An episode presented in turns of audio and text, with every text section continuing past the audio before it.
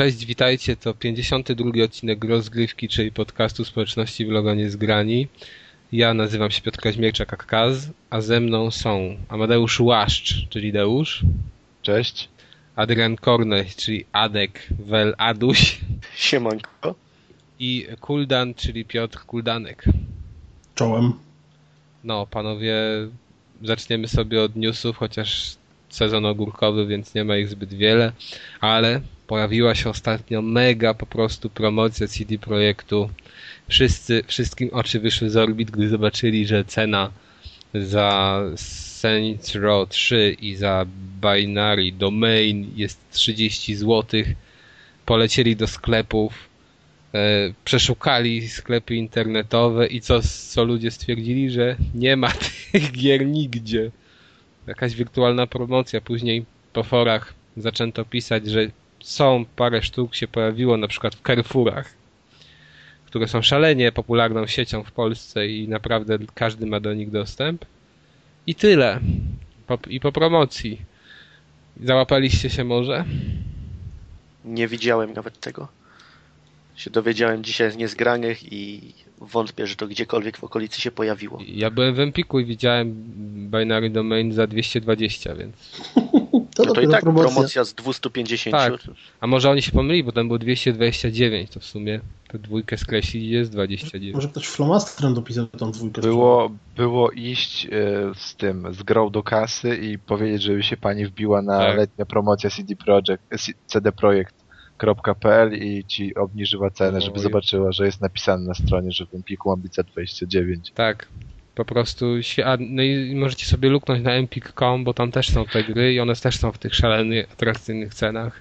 Ale, ale zresztą to już tam ludzie pisali, że ciężko dorwać ewentualnie gdzieś w Carrefourach, albo nawet czasami jak się można dorwać w innych sklepach, to są poprzecenianie na 29, a na przykład na 49. Tak, Czyli tak. też, że jest przecena, ale nie jakaś oficjalna. Bo, bo wiesz, jak oni tam na, wiesz, jak oni napisali, że to, że to jest niby oni taką wyznaczyli cenę, tak było na tej regulaminie coś tam, ale że sklepy i tak mogą własną walnąć. Więc tak w sumie to jest idealne wyjaśnienie, nie? Że wiesz, że my, my im daliśmy za trzy dychy, a, czy tam za 20 zł grę, a oni ją wystawili za 300, nie? No ale to ja bym na miejscu wydaw napisał, że my sugerujemy sprzedawać ją za złotówkę na przykład. Hmm. To, to kto, na, kto, kto bogatemu zabroni. Ale zawsze jest też z takimi promocjami, nawet jak tam gdzieś było po jakichś Saturnach rozłożonych parę kopii, to też wykupują ludzie. Pamiętam jak była promocja w tamtym roku i gry EA bodajże były Medal of Honor i jakieś inne gry były chyba po 50 zł, czyli tak. mhm. dwa razy drożej były właśnie w Saturnach. To też jak poszedłem z rana, bo wiedziałem, że ludzie wykupią, to obok mnie dosłownie obok w kasie e, jakieś prawdopodobnie osoba, która handluje tym na Allegro albo ma jakiś mały sklepik, e, to gdzieś tak na oko 25 sztuk tych gier wzięła mhm. i już wyczyściła Saturn, gdzieś to było gdzieś koło tam 12, mhm. 12 z rana już wyczyściła jednego, jeden z wrocławskich Saturnów e, no, z tych promocji. I to tak zawsze jest w Polsce, że niestety jak są te gry, po ta, ta przecena jest taka duża, to niestety nigdy z niej wszyscy nie, nie mogą skorzystać. Nawet część z niej zwykle nie może skorzystać, tylko to się zawsze tylko osoby... jednostki. No, Czyli tylko się zawsze osoby rzucą. Był jakiś wywiad właśnie z kimś, kto tam sklepik prowadzi mały i mówił, że to jest norma, że zawsze jak jest jakaś spora promocja, to godzina siódma rano, otwarcie marketu, sami sklepikarze wykupują wszystko.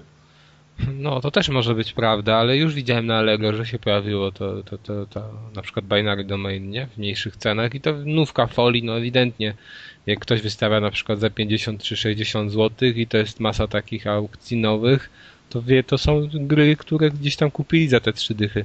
Ale no wiesz, jak Binary Domain kosztuje, nie wiem, na Zawi chyba 13 euro. 9 funtów.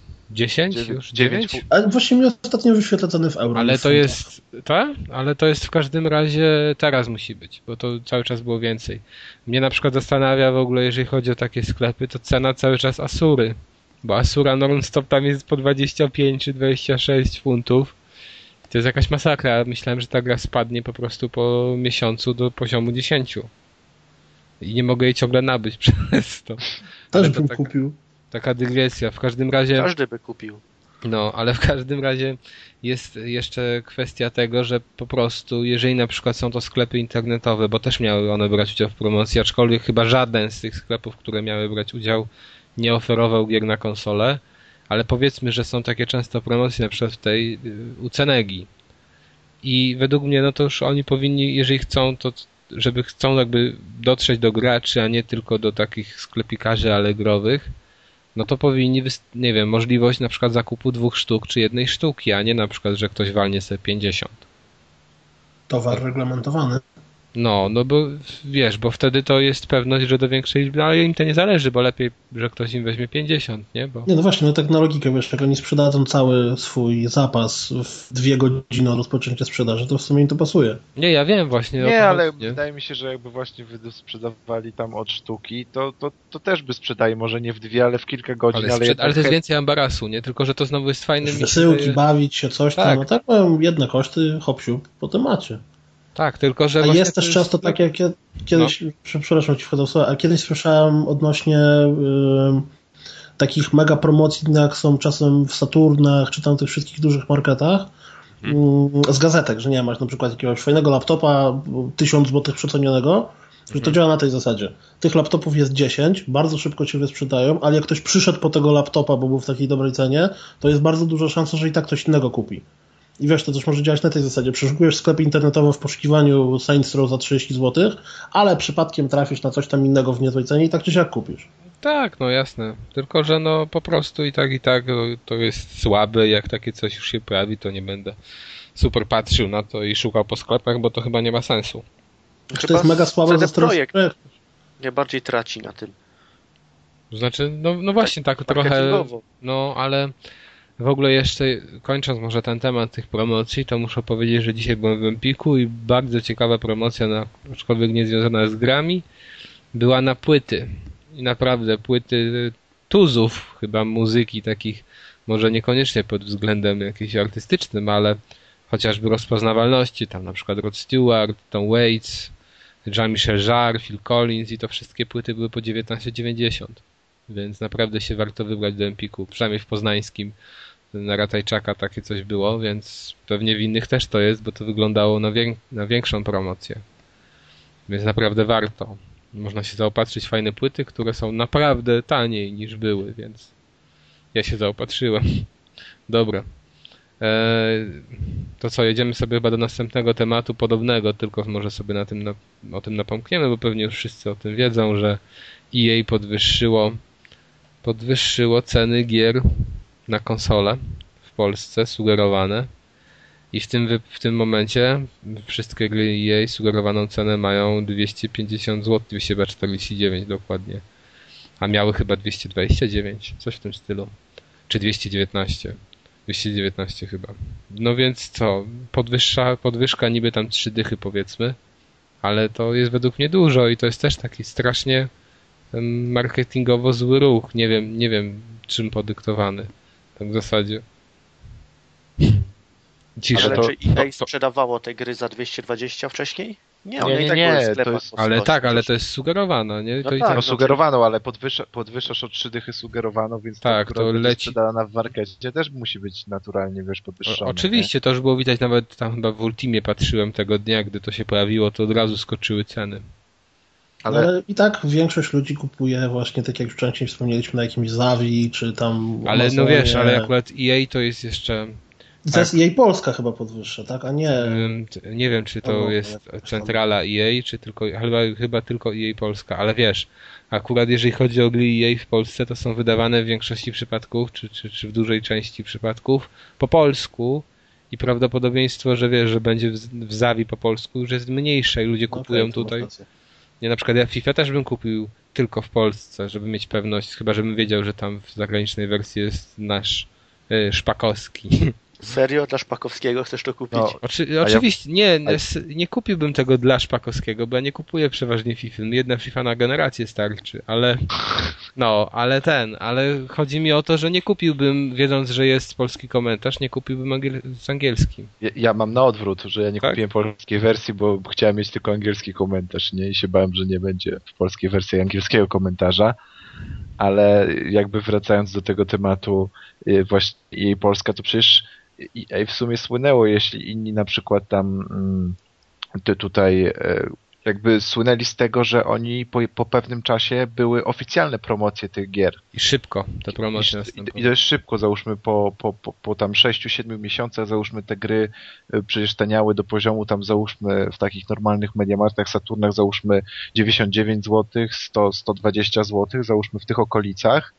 Czyli tam załóżmy... Po dwóch miesiącach czy trzech, właśnie to było fajne całkiem. I, i kiedy, EA. kiedy wiesz, kiedy tam inne gry czasami po dwa lata bujają się z ceną na półce 229, no to te gry jej taniały i teraz jakoś tak właśnie EA, które przodowało w tym, żeby jednak te, te gry nie zalegały i, i ta cena jakaś się tam robiła rozsądna i się, wyprzeda i się te gry jakoś wyprzedawa i wyprzedawały, nagle robi jakby premierową cenę sugerowaną większą, czyli, czyli nie wiem, zobaczymy czy, czy, czy dalej będą szli w te takie obniżki swoje, czy nagle z tych promocji tam 100 parę złotych się zrobi 169 na promocji, na przykład sugerowane ze, 120 ze 149, ale, ale jeśli to tylko zrobiło jej Polska, to 100 249 to jest strasznie dużo, nawet porównując cenę w premierowych tytułów w funtach w, w Wielkiej Brytanii na przykład, albo na zachodzie. Ale w, w ogóle na przykład dla mnie mentalnie już taka cena 200 zł to jest dużo i te 199 to jest bardzo dużo i,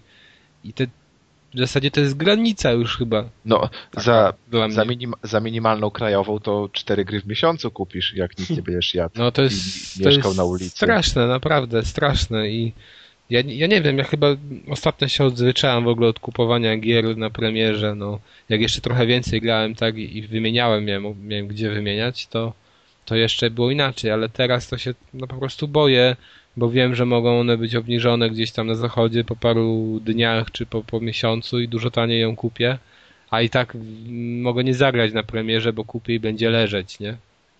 Bo No często niestety. tak mam, więc kurczę. I oni tutaj dodatkowy taki ruch robią, który mnie zniechęca do zakupu. Do zakupu właśnie tej, tej, tej gry na premierze i to jest dziwne. No w każdym razie już też słyszałem głosy, że inne rzeczy drożeją i dlaczego by gry miały, e, nie wiem, tanieć. No ale z, z, też pamiętam non-stop podkreślany fakt w mediach i, w, i przez samych dystrybutorów czy wydawców, że piractwo powoduje, że ceny gier są tak duże, że gdyby nie było tego piractwa, to one by były mniejsze, a mamy w tym momencie tak, takie, ta, taką jakby zależność, że piractwo jest praktycznie marginesem w tym momencie na PlayStation i pewnie już marginesem na Xboxie, a gry są coraz droższe. I to jeszcze w tych czasach takich kryzysu, nie? To jest takie kurcze. Nie wiem. To jest fatalne na przyszłość. Pewnie się skończy, że do, dobiją do 300 i później będą już tylko w cyfrowej dystrybucji, już możesz, wiesz. Nie, no co ty, myślę, że nie. Myślisz, Wiesz, że ja nie? pamiętam jak kupowałem PSX-a dawno, dawno temu, to wtedy przecież gry No tak. kosztowały jakieś abstrakcyjne pieniądze. Znaczy, Znaczy ja, to- bo tam te, na PSX-a to tam kosztowało tyle ile, ale tam około 200 zł. Znaczy to ale było, wiesz, to 200 kartridże- zł wtedy, to jeszcze i tak było 100 razy więcej niż teraz, nie? Nie, ale słuchaj, przecież wtedy kartridże do, do Nintendo, ja nie pamiętam, to było 300. 64, 300 i czasami Tak, ponad tak. 300. To po prostu było- teraz to mi się To- wydaje to jakaś kompletna kosmos. abstrakcja. No, ale tylko że, tylko, że wtedy pewnie średnia krajowa była z nie wiem, czy tam średnia, czy, czy minimalna pensja powiedzmy była może 800, nie? Albo coś. No bo przecież to były lata 90. I, i Ale tak, ja ale sam pamiętam, Benzyna była po 3 zł to. ale ja sam No. pamiętam, kurde, że idę na, przykład właśnie do sklepu i widzę gry na Nintendo za 300 ponad złotych i tak praktycznie zastanawiam, kto to kupuje.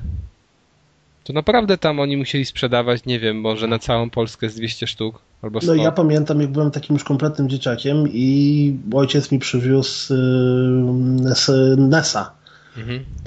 i dostałem prezent na komunię, jakieś tam pieniądze i miałem do wyboru. Poszliśmy do smyka, pamiętam, i miałem do wyboru albo za te pieniądze, które tam otrzymałem, kupić sobie jedną oryginalną grę na NES-a, albo kupić Pegasusa z jakimiś 30 kartridżami. No. I co wybrałeś teraz? ja już chcę spoiler. Zgadnij. Aha.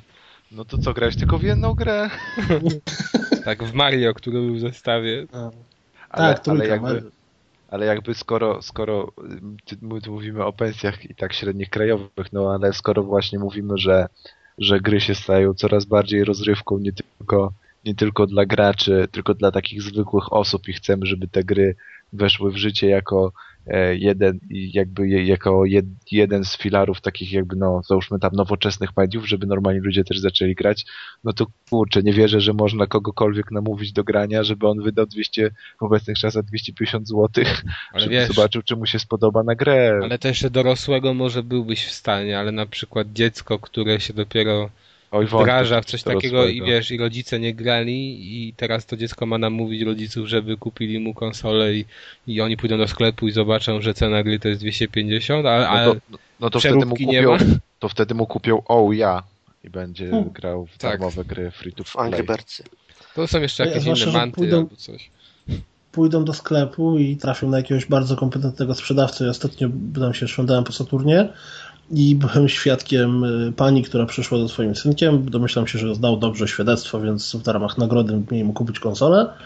No i gość przez jakieś 15 minut opowiadał o Xboxie i o PS3, mówiąc jakieś kompletne bzdury, które nie miały nic wspólnego z rzeczywistością.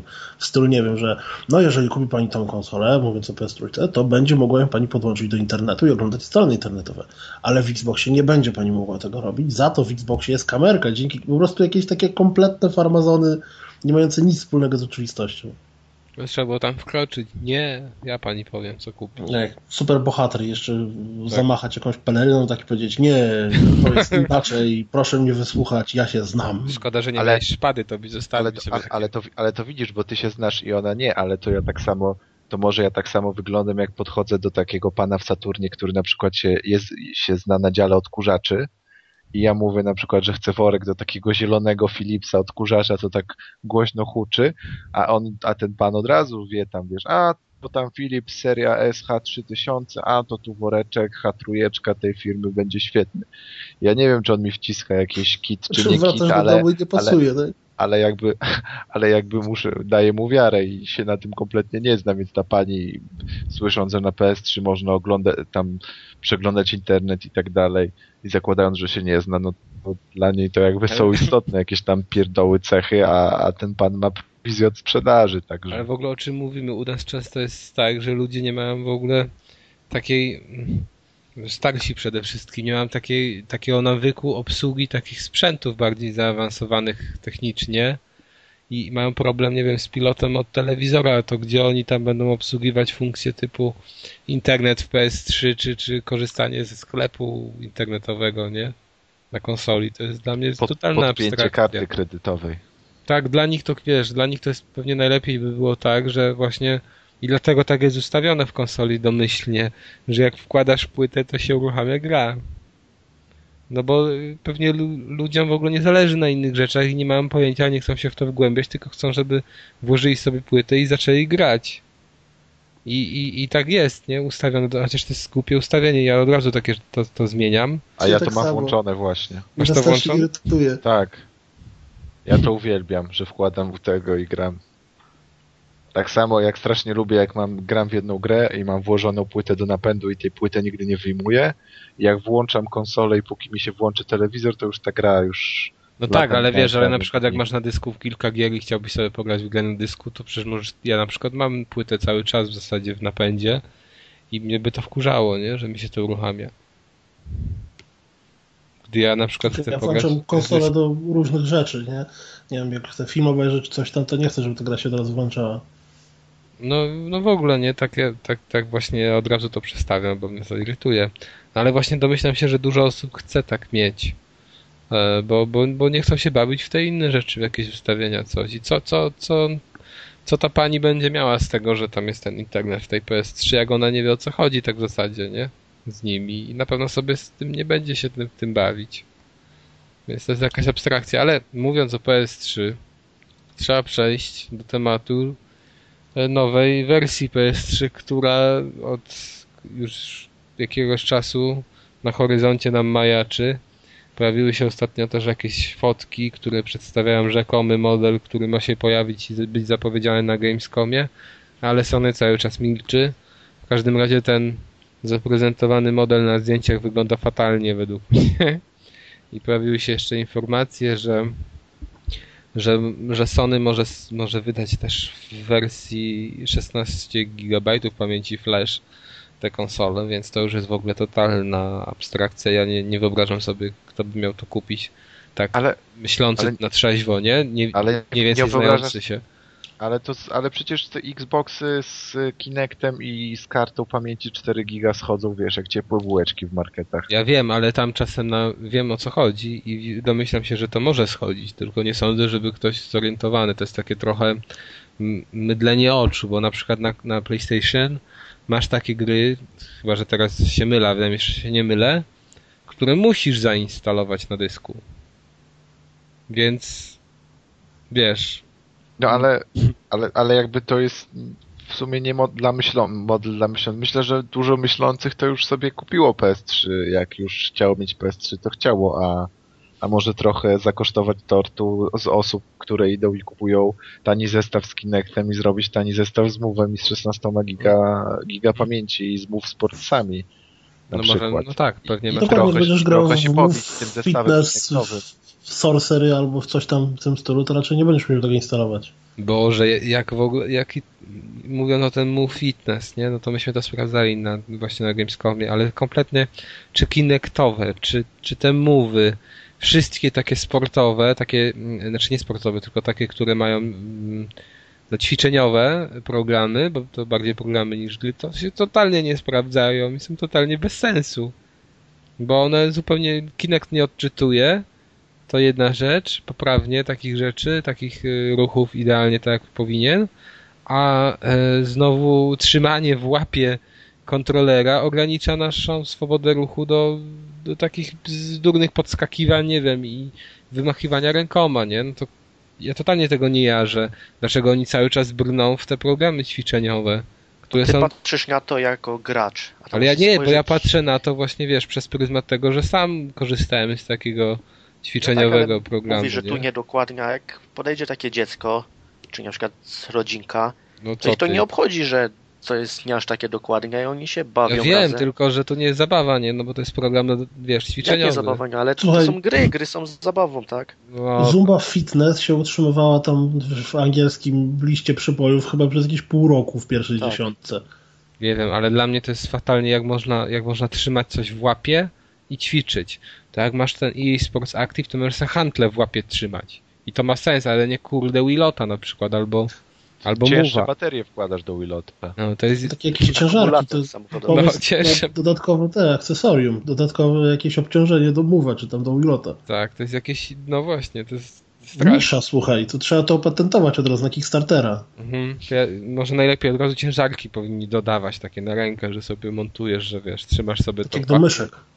No. Ale, ale, ale kończąc w topa i lekko wracając do tematu, to jak myślicie, jaka by musiała, musiała, jaka by mogła być cena e, tego, załóżmy, tej wersji e, z 16, no z tymi 16 gigabajtami te, tego flasha, tej nowej PS3, żeby ona właśnie była taką budżetową wersją i tak Znając życie, po ogłoszeniu będzie... zeszła, zeszła tak troszkę jak ciepłe bułeczki. Wiesz co? Ile kosztuje ten Xbox? 799. Arcade? To znaczy, powiem ci, że w tamtym roku mój znajomy był ze mną, nie pamiętam, chyba to kupiliśmy w Carrefourze, to 599 zł. Ale to jakaś promocja no, była. No tak, no ale, no. ale jakby dało się to kupić za tyle.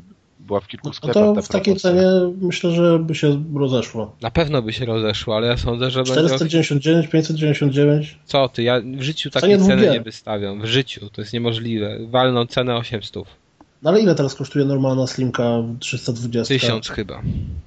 Taka najmniejsza cena to jest chyba 1000. No to wiesz, dysk 320 giga. No tak, no to mówię, to ci walną za 800. Y, ten, te wersje 16 giga. No chyba, że, że coś tam ostatnio obniżali, ale wydaje mi się, że właśnie 1000 to, to było. Znaczy jeszcze pytanie brzmi, bo właściwie ten news to jest taki, że niektórzy mówią, że ta konsola będzie, niektórzy, że nie.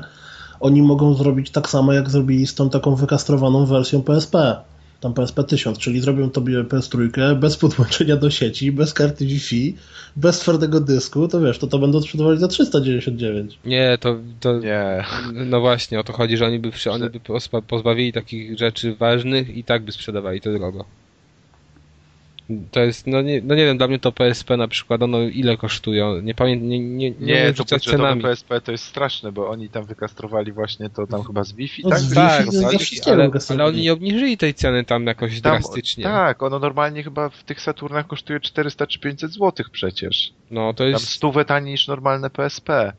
Plus tego jest robione, jest brzydsze, bo jest tam robione z takiego Okropne. jakiegoś matowego plastiku i tak dalej. ale widzieliście jak wygląda na tych niby zdjęciach, znaczy na zdjęciach, które pokazują niby te konsole, właśnie jak ona wygląda, to jest jakaś po prostu estetyczna kupa. Nie wiem, ja bym musiał masakra. na żywo zobaczyć, bo ta, Jakiś tani po takich plastik chyba zdjęciach w ogóle. ciężko ocenić. Ale to w ogóle wygląda jakby kształtem, jak jakieś Ohydnie, tak jest. No, takie ochyctwo, jak pudełko totalnie, jakbyś sobie wziął z tego tam Polystation albo coś. No, Jakbyś jakaś- skleił dwie konsole różne. To jedna część do drugiej w ale, ogóle nie ale, pasuje. ale teraz projektant Polystation się musi cieszyć, jak słyszy Tak, słowa. ale po prostu jakaś estetyczna masakra to jest. Ja nie, ja nie wiem, jak to się komukolwiek może podobać. Ja no, miałem... Magiczne Ceneo mówi, że kosztuje od 399 zł do 499 zł. Ale co? No to, to tanie PSP. No, no to jest żenada, nie? No to prawdopodobnie, wiesz, sugerowana i w takich Mediamarktach i innych badziestwach to jest 5. 500. No to to jest dużo według mnie. Cóż No bym wolał, no naprawdę dopłacić jest stówę czy coś i mieć 3DS-a. no 3, 3DS-a tam. Nie no, ale to PSP chociażby lepsze, nie? Chociaż i tak za 500 zł to pewnie już można dostać gdzieś to PSP normalne Tak, na tak, ono coś. było i to w bandlach za taką cenę. Można było normalnie w Saturnach kupić po promocjach, także... No, to jest zawsze tak z tymi promocjami, że one są naprawdę tylko dla tych niezorientowanych ludzi. Chociaż ja pamiętam swego czasu, to chyba Sony zaniechało tej praktyki wraz z PS3, nie wiem czy wy to pamiętacie, ale w pewnym momencie PS2 było oferowane w takich zielonych opakowaniach i to była wersja jakby refurbished, czy jak to tam się czyta, czyli odnawiana, czyli powiedzmy, że ktoś, ktoś wziął do domu, odpalił, była zepsuta, to, i oni ją wzięli na warsztat, mogli wszystkie bebechy wymienić. A, Recykling. Tak, i jakby wpakować do pudełka. I ja sam wziąłem taką konsolę. Ona była tańsza wtedy, tam chyba 200 zł. I do tej pory mi działa. A grałem dosyć dużo. Więc no teraz nie ma, nie widziałem nigdzie, żeby cokolwiek takiego było, było robione, nie? Na przykład z PS-tulkami, czyli znacznie, że te części muszą być tak zaawansowane, że jak coś kipnie, to już się nie opłaca. Koniec. No to koniec. Ale wiesz co, ale tak naprawdę to tak jest trochę. Jak mi się zepsuła to moja poprzednia konsola, to oddałem ją do naprawy. Coś tam było, już nie pamiętam o co chodziło, ale generalnie naprawa wyniosła mnie 400 zł. Gość powiedział mi, że daje mi 3 miesiące gwarancji. Ja w międzyczasie kupiłem tą slimkę, którą mam teraz i po trzech miesiącach i dwóch dniach konsola znowu miała żółtą diodę. Więc jak ci się kończy gwarancji, konsola ci się zepsuje, to właściwie nie ma sensu wydawać 400 czy 500 zł na naprawy, jak kupisz sobie nową za te 800-900. No tak, tak. No ja mam na razie szczęście do takich, do, do konsol i mi się nic nie zepsuło. Nigdy chyba, akurat w tym, w tej materii. O, ja mam Xboxa i on już dwa razy sobie Niemcy odwiedził, także... No ten, ten mój niby odwiedził, ale jeszcze zanim zostałem jego właścicielem. Od tej pory działa. Mój Xbox jeszcze ani razu, mimo że to jest ten, co niby łatwiej się pali. Łatwiej się pali. No, Mój, mój był z edycji, która się łatwiej nie pali, ale się spalił. Dwa razy. I to dwa razy. Dobra. Um, to co, jedziemy sobie chyba dalej. Mm, Sony, znowu zostajemy może przy Sony, zamyka serwery różnych gier i między innymi to jest Motorstorm, te wcześniejsze części. Już nawet pal licho jakie to są gry i dużo tam jest też na PSP gier. Ale no kurczę, takie praktyki to są dla mnie żałosne, no. No ja rozumiem, że to jest jakieś tam utrzymanie serwerów czy coś, ale z drugiej strony, no są te wszystkie online pasy teraz i one mają właśnie wpływać na to w ten sposób, że miały nie być zamykane serwery. W ogóle sama istota tych serwerów jest głupia, bo zawsze gdyby były niezależne serwery, to ludzie by trzymali sobie dla tej gry takich parę serwerów i by mogli dalej grać, a tego nie ma i po prostu ktoś powie wyciągamy wtyczkę i do widzenia. No ale słuchaj, Motorstorm to jest gra, która ma 6 lat, to był przecież tytuł e, startowy PS3. No O dobrze, kurczę, ale ktoś wiesz, to ale... gra jeszcze w ogóle? Okej, tak, tak, no ale serio? słuchaj, no ale powiedzmy, że idziesz do sklepu i przecież te gry są cały czas. To nie jest tak, że one są tylko używane, przecież możesz kupić nowe. i widzisz na pudełku, że... słucham? Bo ja powiem ci szczerze, od dawien dawno nie widziałem nigdzie No, Motorstorma na, na No, pudełku na półce. no dobrze, ale na pewno są, to nie są Fify. No większość takich gier jest do kupienia nowych. No na bank, no, sam nie, nie patrzę, nie rozglądam Nie no, na się, ale- pewno Race Driver Grid ma też wyłączony online, no na pewno jest do kupienia. Więc one są do kupienia i masz na pudełku na przykład, że będzie online, a nie ma i to jest no żałosne i według mnie po prostu to, to, to wiesz, na przykład masz Enemy Territory grę i, i cały czas ludzie w to grają pomimo tamtego, że ona tam ma, nie wiem, 10 lat. I to zawsze się znajdą jacyś fanatycy, którzy na przykład lubią tę część konkretną i w tą naparzają. I teraz ograniczanie im tej możliwości jest żałosne. Czy też jak było z tym EA Sports Active 2, że tam jest w ogóle achievement, znaczy achievement, nie achievement, tylko trofeum, ale achievement chyba też na Xboxie, za, za to, żeby rozegrać sobie taki trening z kolegą jakimś przez sieć.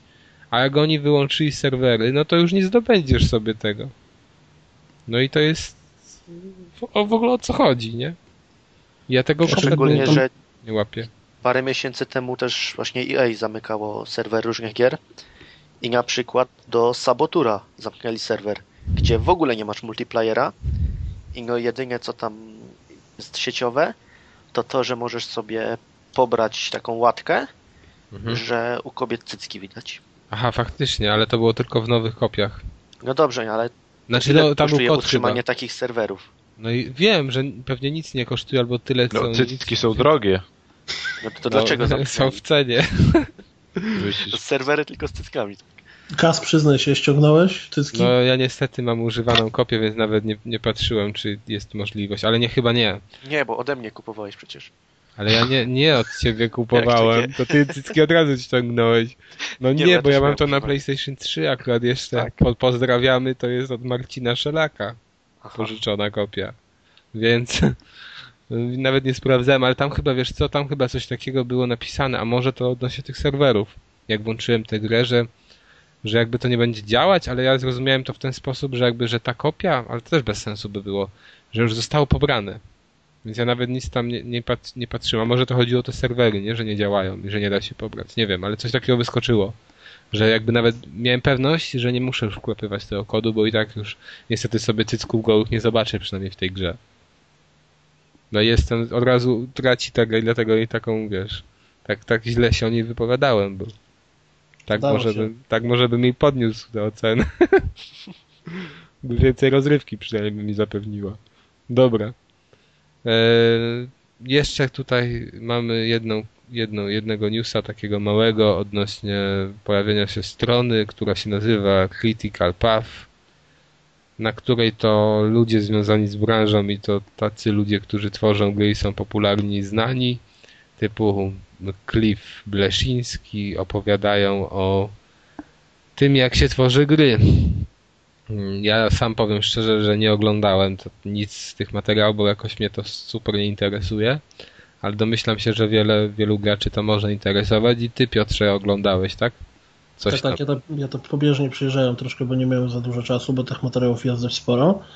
Generalnie to jest jakiś projekt, który właśnie zebrał bardzo dużo różnych twórców i to nie tylko takich amerykańskich, bo jest to na przykład e, e, Hideo Kojima. Tak, i są napisy, jest, więc łatwiej się tak, orientować, są co napisy, mówi. Jest e, Yoshinori Ono, jest na przykład David Cage. Generalnie te nazwiska robią wrażenie, bo to są takie nazwiska z pierwszych stron newsów. To są ci, co zawsze kasę inkasują.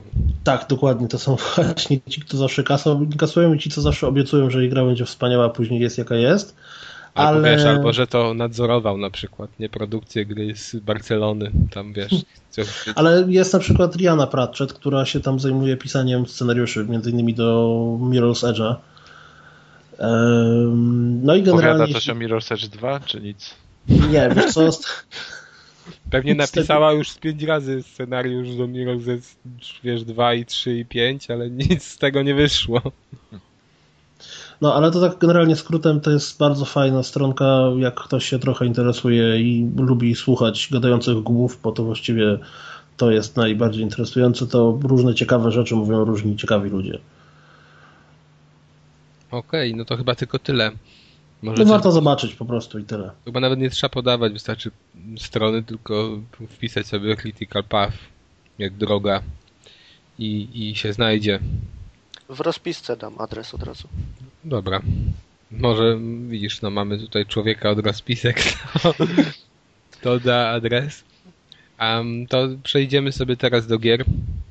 I może w końcu nie będę zaczynał od siebie jak ostatnimi czasy. Zaczniemy od gości. To może od... Yy, Adka. Od Adka? No dobrze.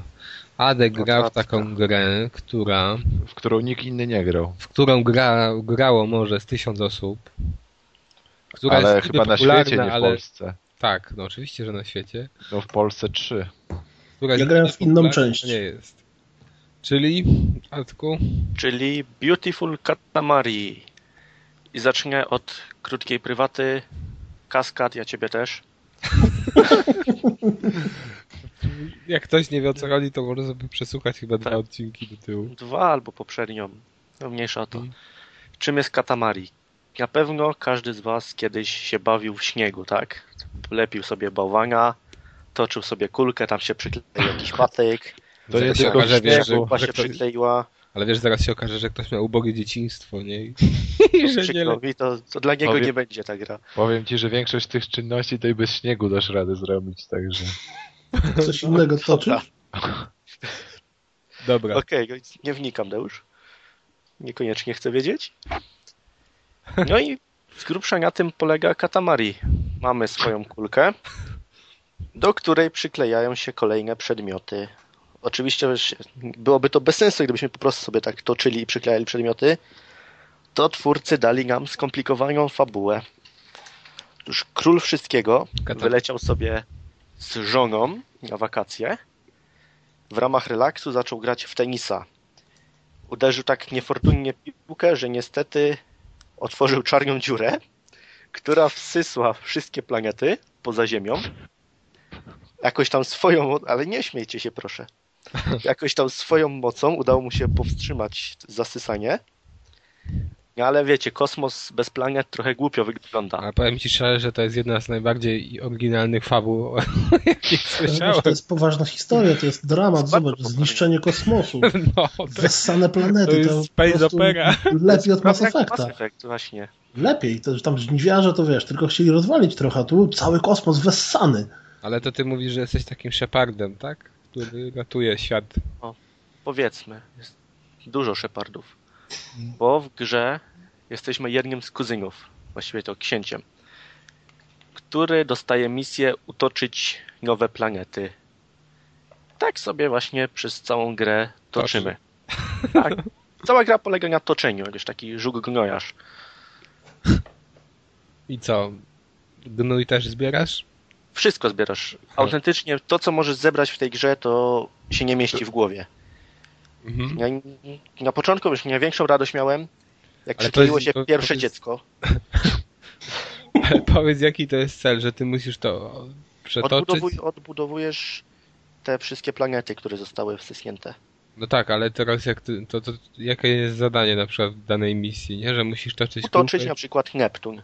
Czyli musisz, ale musisz zebrać po prostu określoną liczbę tam Tak, jakichś tak, rzeczy. tak. To, Mhm. A to mo- masz to wypisaną można- cały czas, tak? To można w tą grę przegrać? Chodzi mi o to, że... O, bardzo łatwo przegrać. Dokładnie. To jest, To jest cholernie trudne. Możesz spaść. Nie, spaść, czas się kończy. Skończy czas, bo każda misja zaczyna się od tego, że król wszystkiego nam mówi, co jest potrzebne i na przykład ten Neptun chce mu zbudować. On mówi, że musisz utoczyć kulkę o średnicy, o obwodzie, albo średnicy, średnicy dwóch metrów i masz na to trzy minuty. Do tego, jako, to, jako że to jest Neptun, to fajnie by było, jakby składało się w większości z wodnych przedmiotów. No i zaczynasz sobie toczyć. E, to to takie trochę edukacyjne jest. Tak, tak, tak. Co jeszcze uczy?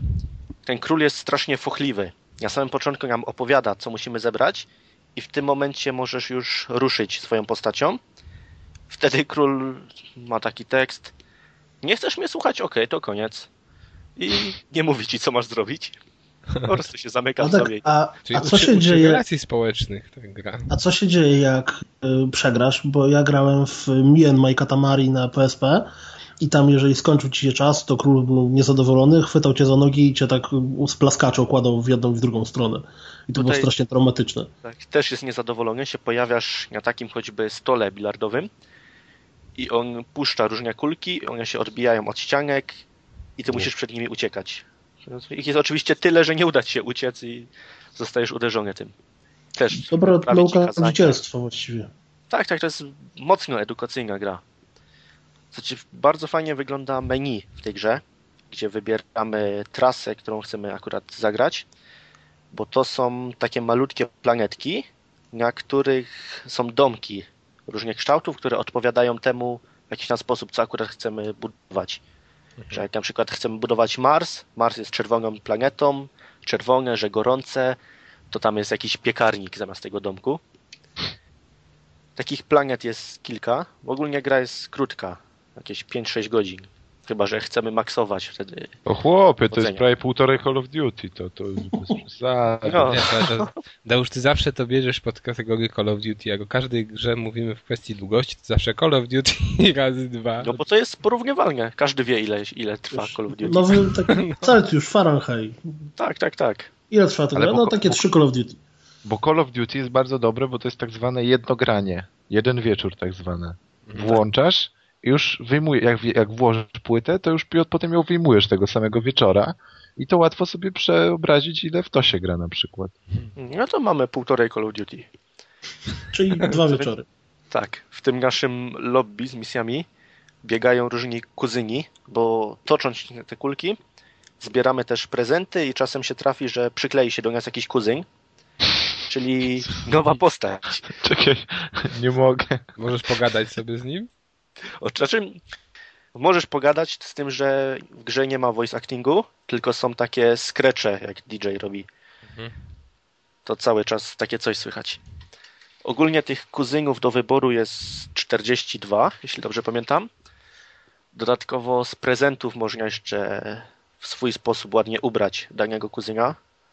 Także dla wszystkich fanów Simsów i takich innych gier jest też jakiś aspekt, w którym się mogą Dla, dla cieszyć. fanów Skyrima, bo to tam też się Tak, takie tak, pierdały. tak.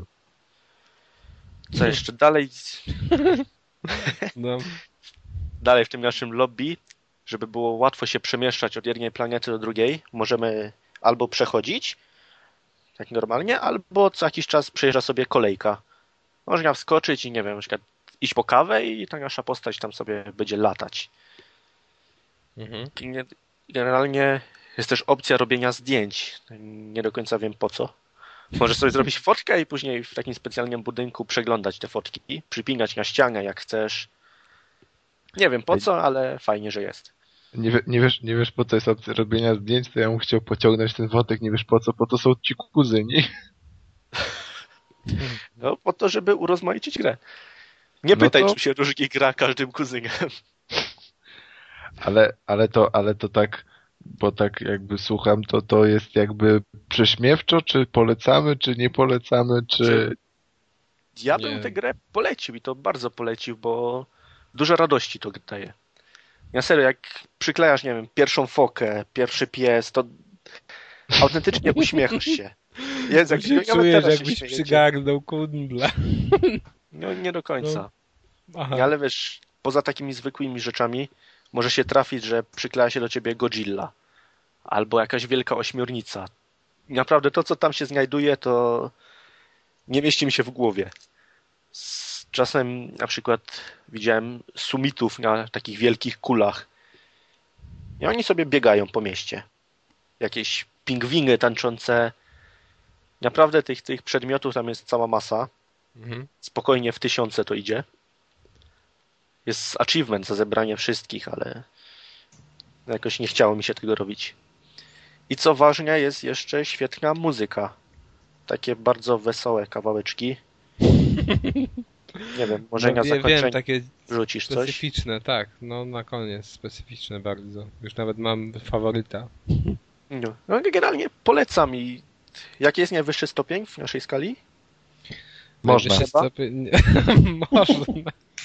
No to na pewno można Bo ta gra kosztuje Jak się 50 chce, to można. Nie, nie jak się chce, tylko jak nie chcesz, to musisz.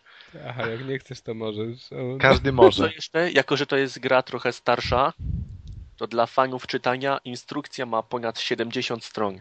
O, Plus dwie strony na własne notatki. O to jest moje Jak chciał ulubione. sobie coś zapisać, to Ale Notatki właśnie- zawsze. Czy Ja ktokolwiek... zawsze rozpaczam w instrukcjach, że jest za, za mało miejsca na notatki, Za mało bo ja mam miejsca na rozległe notatki. pismo. tak, Ale po, powiedzcie mi w ogóle, ktokolwiek kiedykolwiek w grze, bo wiadomo, że w tych starszych grach to praktycznie w każdej instrukcji było miejsce na notatki, cokolwiek notował? No oczywiście, na przykład, ale tam, tam po lewej od tego miasta spotkałem smoka. I na przykład No. sobie to Ale notujesz zobacz, i jakie to ma wiesz. fajną wartość, jakbyś chciał sprzedać taką grę. Piszesz notatki w tym, potem dodajesz jako buyer w ramach sprzedaży rzeczy notatki w instrukcji. Albo każdy Ale- kolejny właściciel się wpisuje. O, Ale- O, ale to tak samo piszesz na przykład po książkach? Tak wiesz, że sobie różne rzeczy podkreślasz w książkach? Ja tak nie robię, ale ludzie tak robią. No właśnie, ja Właśnie tak, ja też tak nie robię. Ja tak na przykład robię i jak komuś pożyczam książkę, to ten ktoś mi na przykład ostatnio powiedział, że żeby nie moje podkreślenia, to by się tak dobrze nie bawił. Bo się zastanawiał, czemu akurat ja te fragmenty podkreślałem, Ale ty tak masz z, z książkami takimi zwykłymi tam, powiedzmy? Czy, czy Tak, normalnie? Nie, z, z, normalnie, ze zwykłymi książkami. To ja tak, Zwłaszcza biorę- z biblioteki. a to ty tak będziesz później, wiesz, jak będziesz w telewizji, to będziesz rzucał tymi maksymami, bo tworzysz tę książkę z takimi ciekawszymi. No nie, no bo wiesz, a jakbym Paulo Coelho wziął do ręki, to bym od razu wszystko podkreślił zakreślaczem. O matko. To czarnym markerem tak, takie X stawia. A jak to tam całą książkę byś musiał zakryć. No to tak właśnie, wiesz. To od razu dorzucić do tej, to wiadro z farbą. Albo Czasem bym poprosił, bo bym poprosił o dodruk od razu z podkreśleniem taki. Dobrze. Um, czyli co? Czyli generalnie w ogóle Trzeba. to jest tylko na Xboxa, nie? Ale w ogóle to ja się teraz wtrącę, Mhm. bo Katamari samo w sobie to wyszło chyba prawie na każdą platformę, bo tak, było tak. na bo to jest PS3, na PSP, czasu na PlayStation. PS3 i Deusz jest demko na Vita do ściągnięcia i Ale na PlayStation też jest jakieś demo. Się... Tak, chyba jest.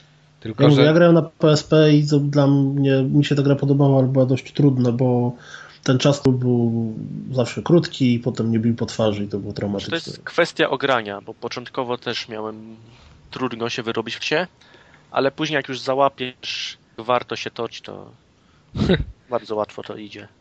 No chyba No właśnie właśnie. chcesz maksować, to wtedy jest problem, bo musisz zbierać te konkretne rzeczy, co chcesz. No ja to na PSP w końcu skończyłem, natomiast wiem, że ja w to grałem, tak powiedziałbym, że z jakieś w sumie z 10 Call of Duty. O, Ale to wiesz, no, na PSP, czyli to było rozciągnięte na pół roku na przykład. Bo 10 Call of Duty, co ty w 15 godzin ktoś? No, wiesz co, to, było, to była długa gra, to miałeś sporo tych etapów, plus właśnie bardzo dużo ich powtarzałeś, bo ciągle się nie wyrobiłeś w czasie. Mówię, to całkiem rozbudowany tytuł wbrew pozorom. Tylko jest tak potwornie przysiągnięty japońskim, znaczy ja mówię o tym na PSP w co grałem, czyli Myanmar jest Katamari. podobnie. Mm, I te wszystkie postaci, w ogóle to jak wygląda ten król wszystkiego, czy tam król kosmosu, bo już nie pamiętam jak się nazywa, y, z czasem w różowej spódniczce baleriny się pojawiał. Bardzo specyficzna gra. A w ogóle ci ludzie, którzy to zrobili, to zrobili na PS3 taką grę do ściągnięcia, która się nazywa Nobi Nobi Boy i to było po prostu w ogóle niestrawialne. Nie wiem, jeśli wy tego nie widzieliście, to sobie szukajcie na YouTubie. To był jakiś kosmos. Byłeś takim jakby gluzdo, glit, nie wiem, glizdą, glutem, cholera wie czym, który się rozciągał na boki, mogli ludzie do ciebie wsiadać i jeździć. W ogóle nie wiem, czy to miał jakikolwiek cel, sens. Abstrakcja. Ale no dobra, no to co, to w takim razie polecamy. Zresztą tu już kiedyś chyba Adam też mówił o wersji na PS3, bo one wyszły. Jedna wyszła na PS3 gra, jedna na Xboxa i to są chyba jakieś tam inne. Ale wersji jest tyle, że jak ktoś nie sprawdzi chociaż dema, Nie, ale demo na pewno jest, ale nie wiem czy na PS Ale nie, tych, ale nie wiem czy tych, na tych wersji jest tyle, ale to chyba jest ta wersja na Xboxa jest chyba ciężko dostępna. Tak, tak, ale wiem, że czasem się pojawia, nie? Po prostu.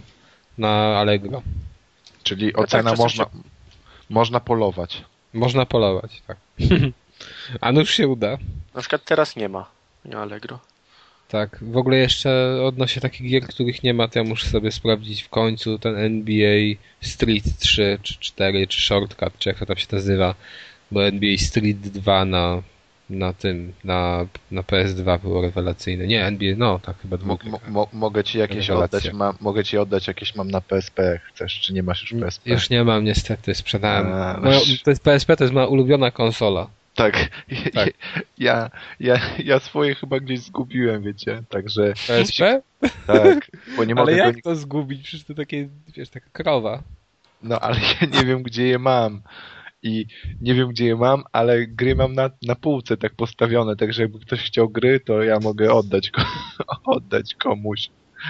Bo już chyba nie mam tej konsoli, nie wiem, nie mogę nigdzie znaleźć. No ale wracając do tematu, to tam może kontynuujmy temat tam opisywania gier, a, a nie konsoli PSP. Dobrze.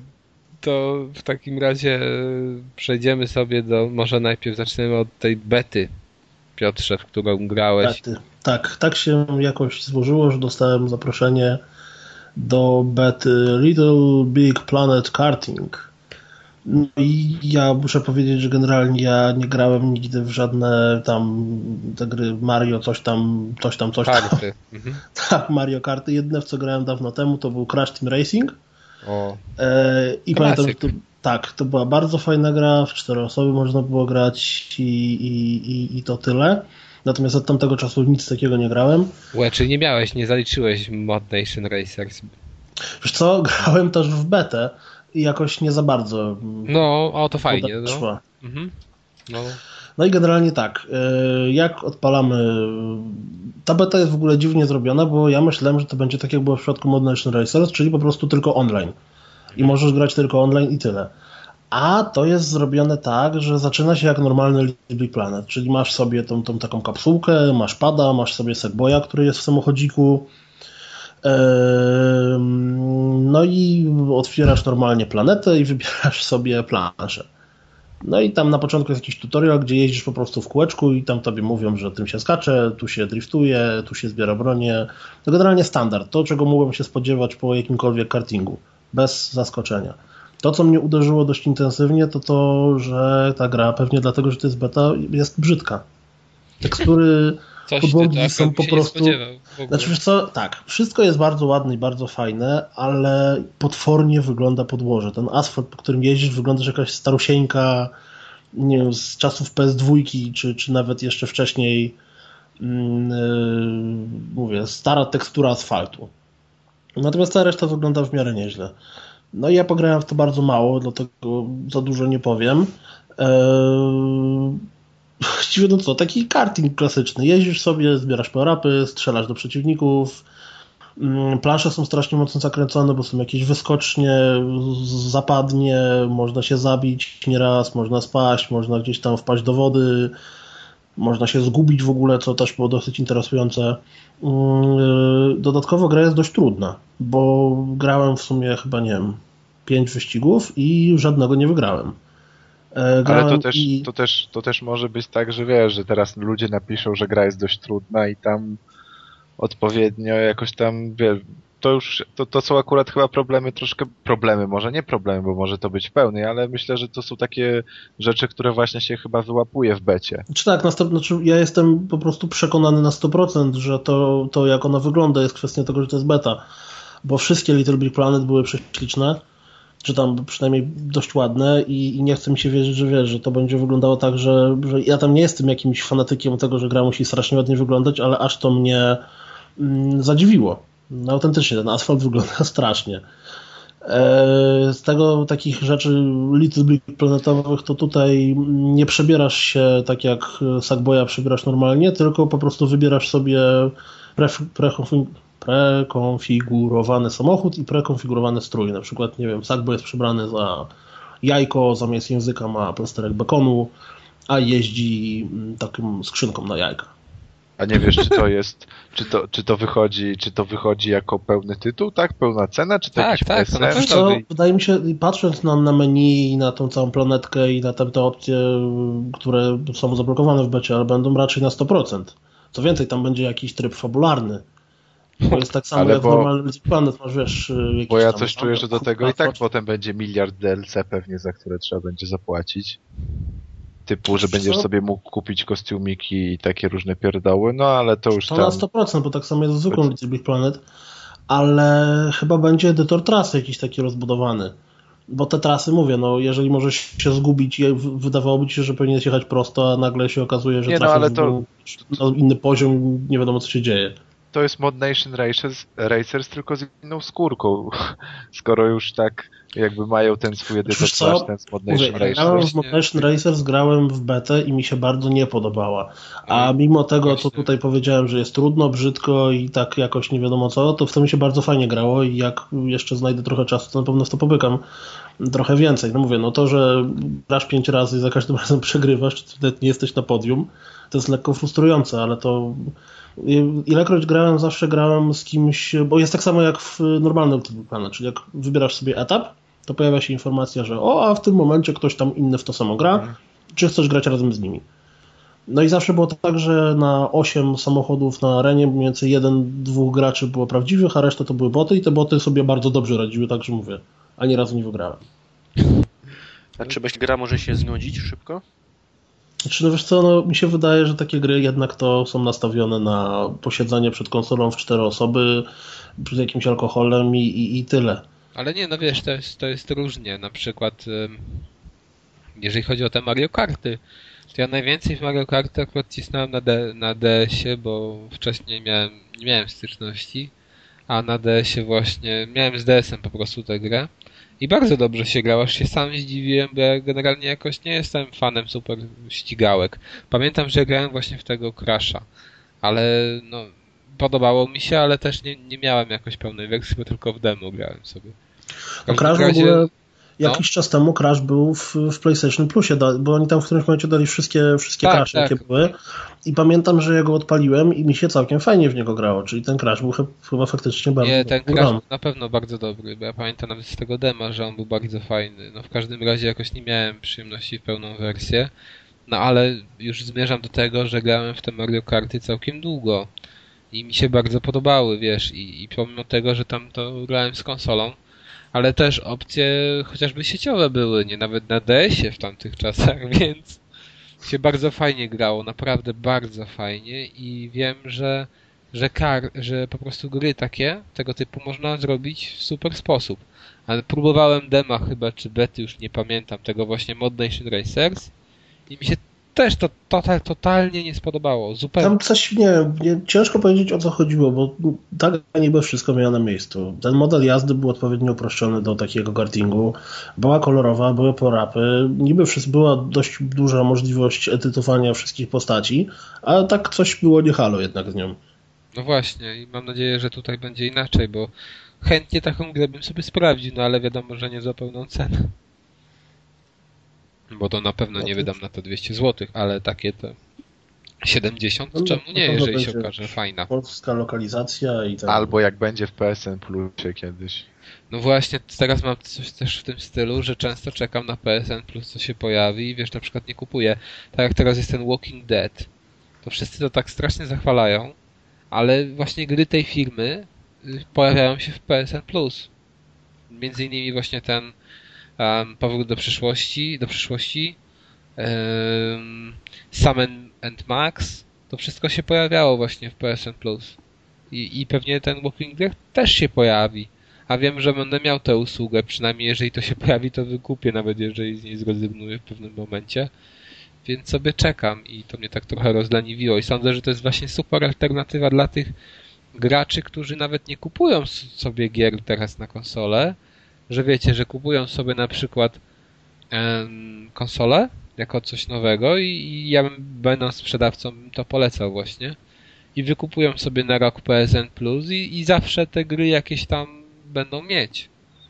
Mm. Ciekawe, nie? To jest Znaczy, no tak, no wiesz, bardzo przypadku, dobra alternatywa dla takich, którzy nie, nie chcą wydawać kasy na na kupow... znaczy na gry takie, s- nie wiem, no, w pudełkach czy, czy, czy inaczej kupowane.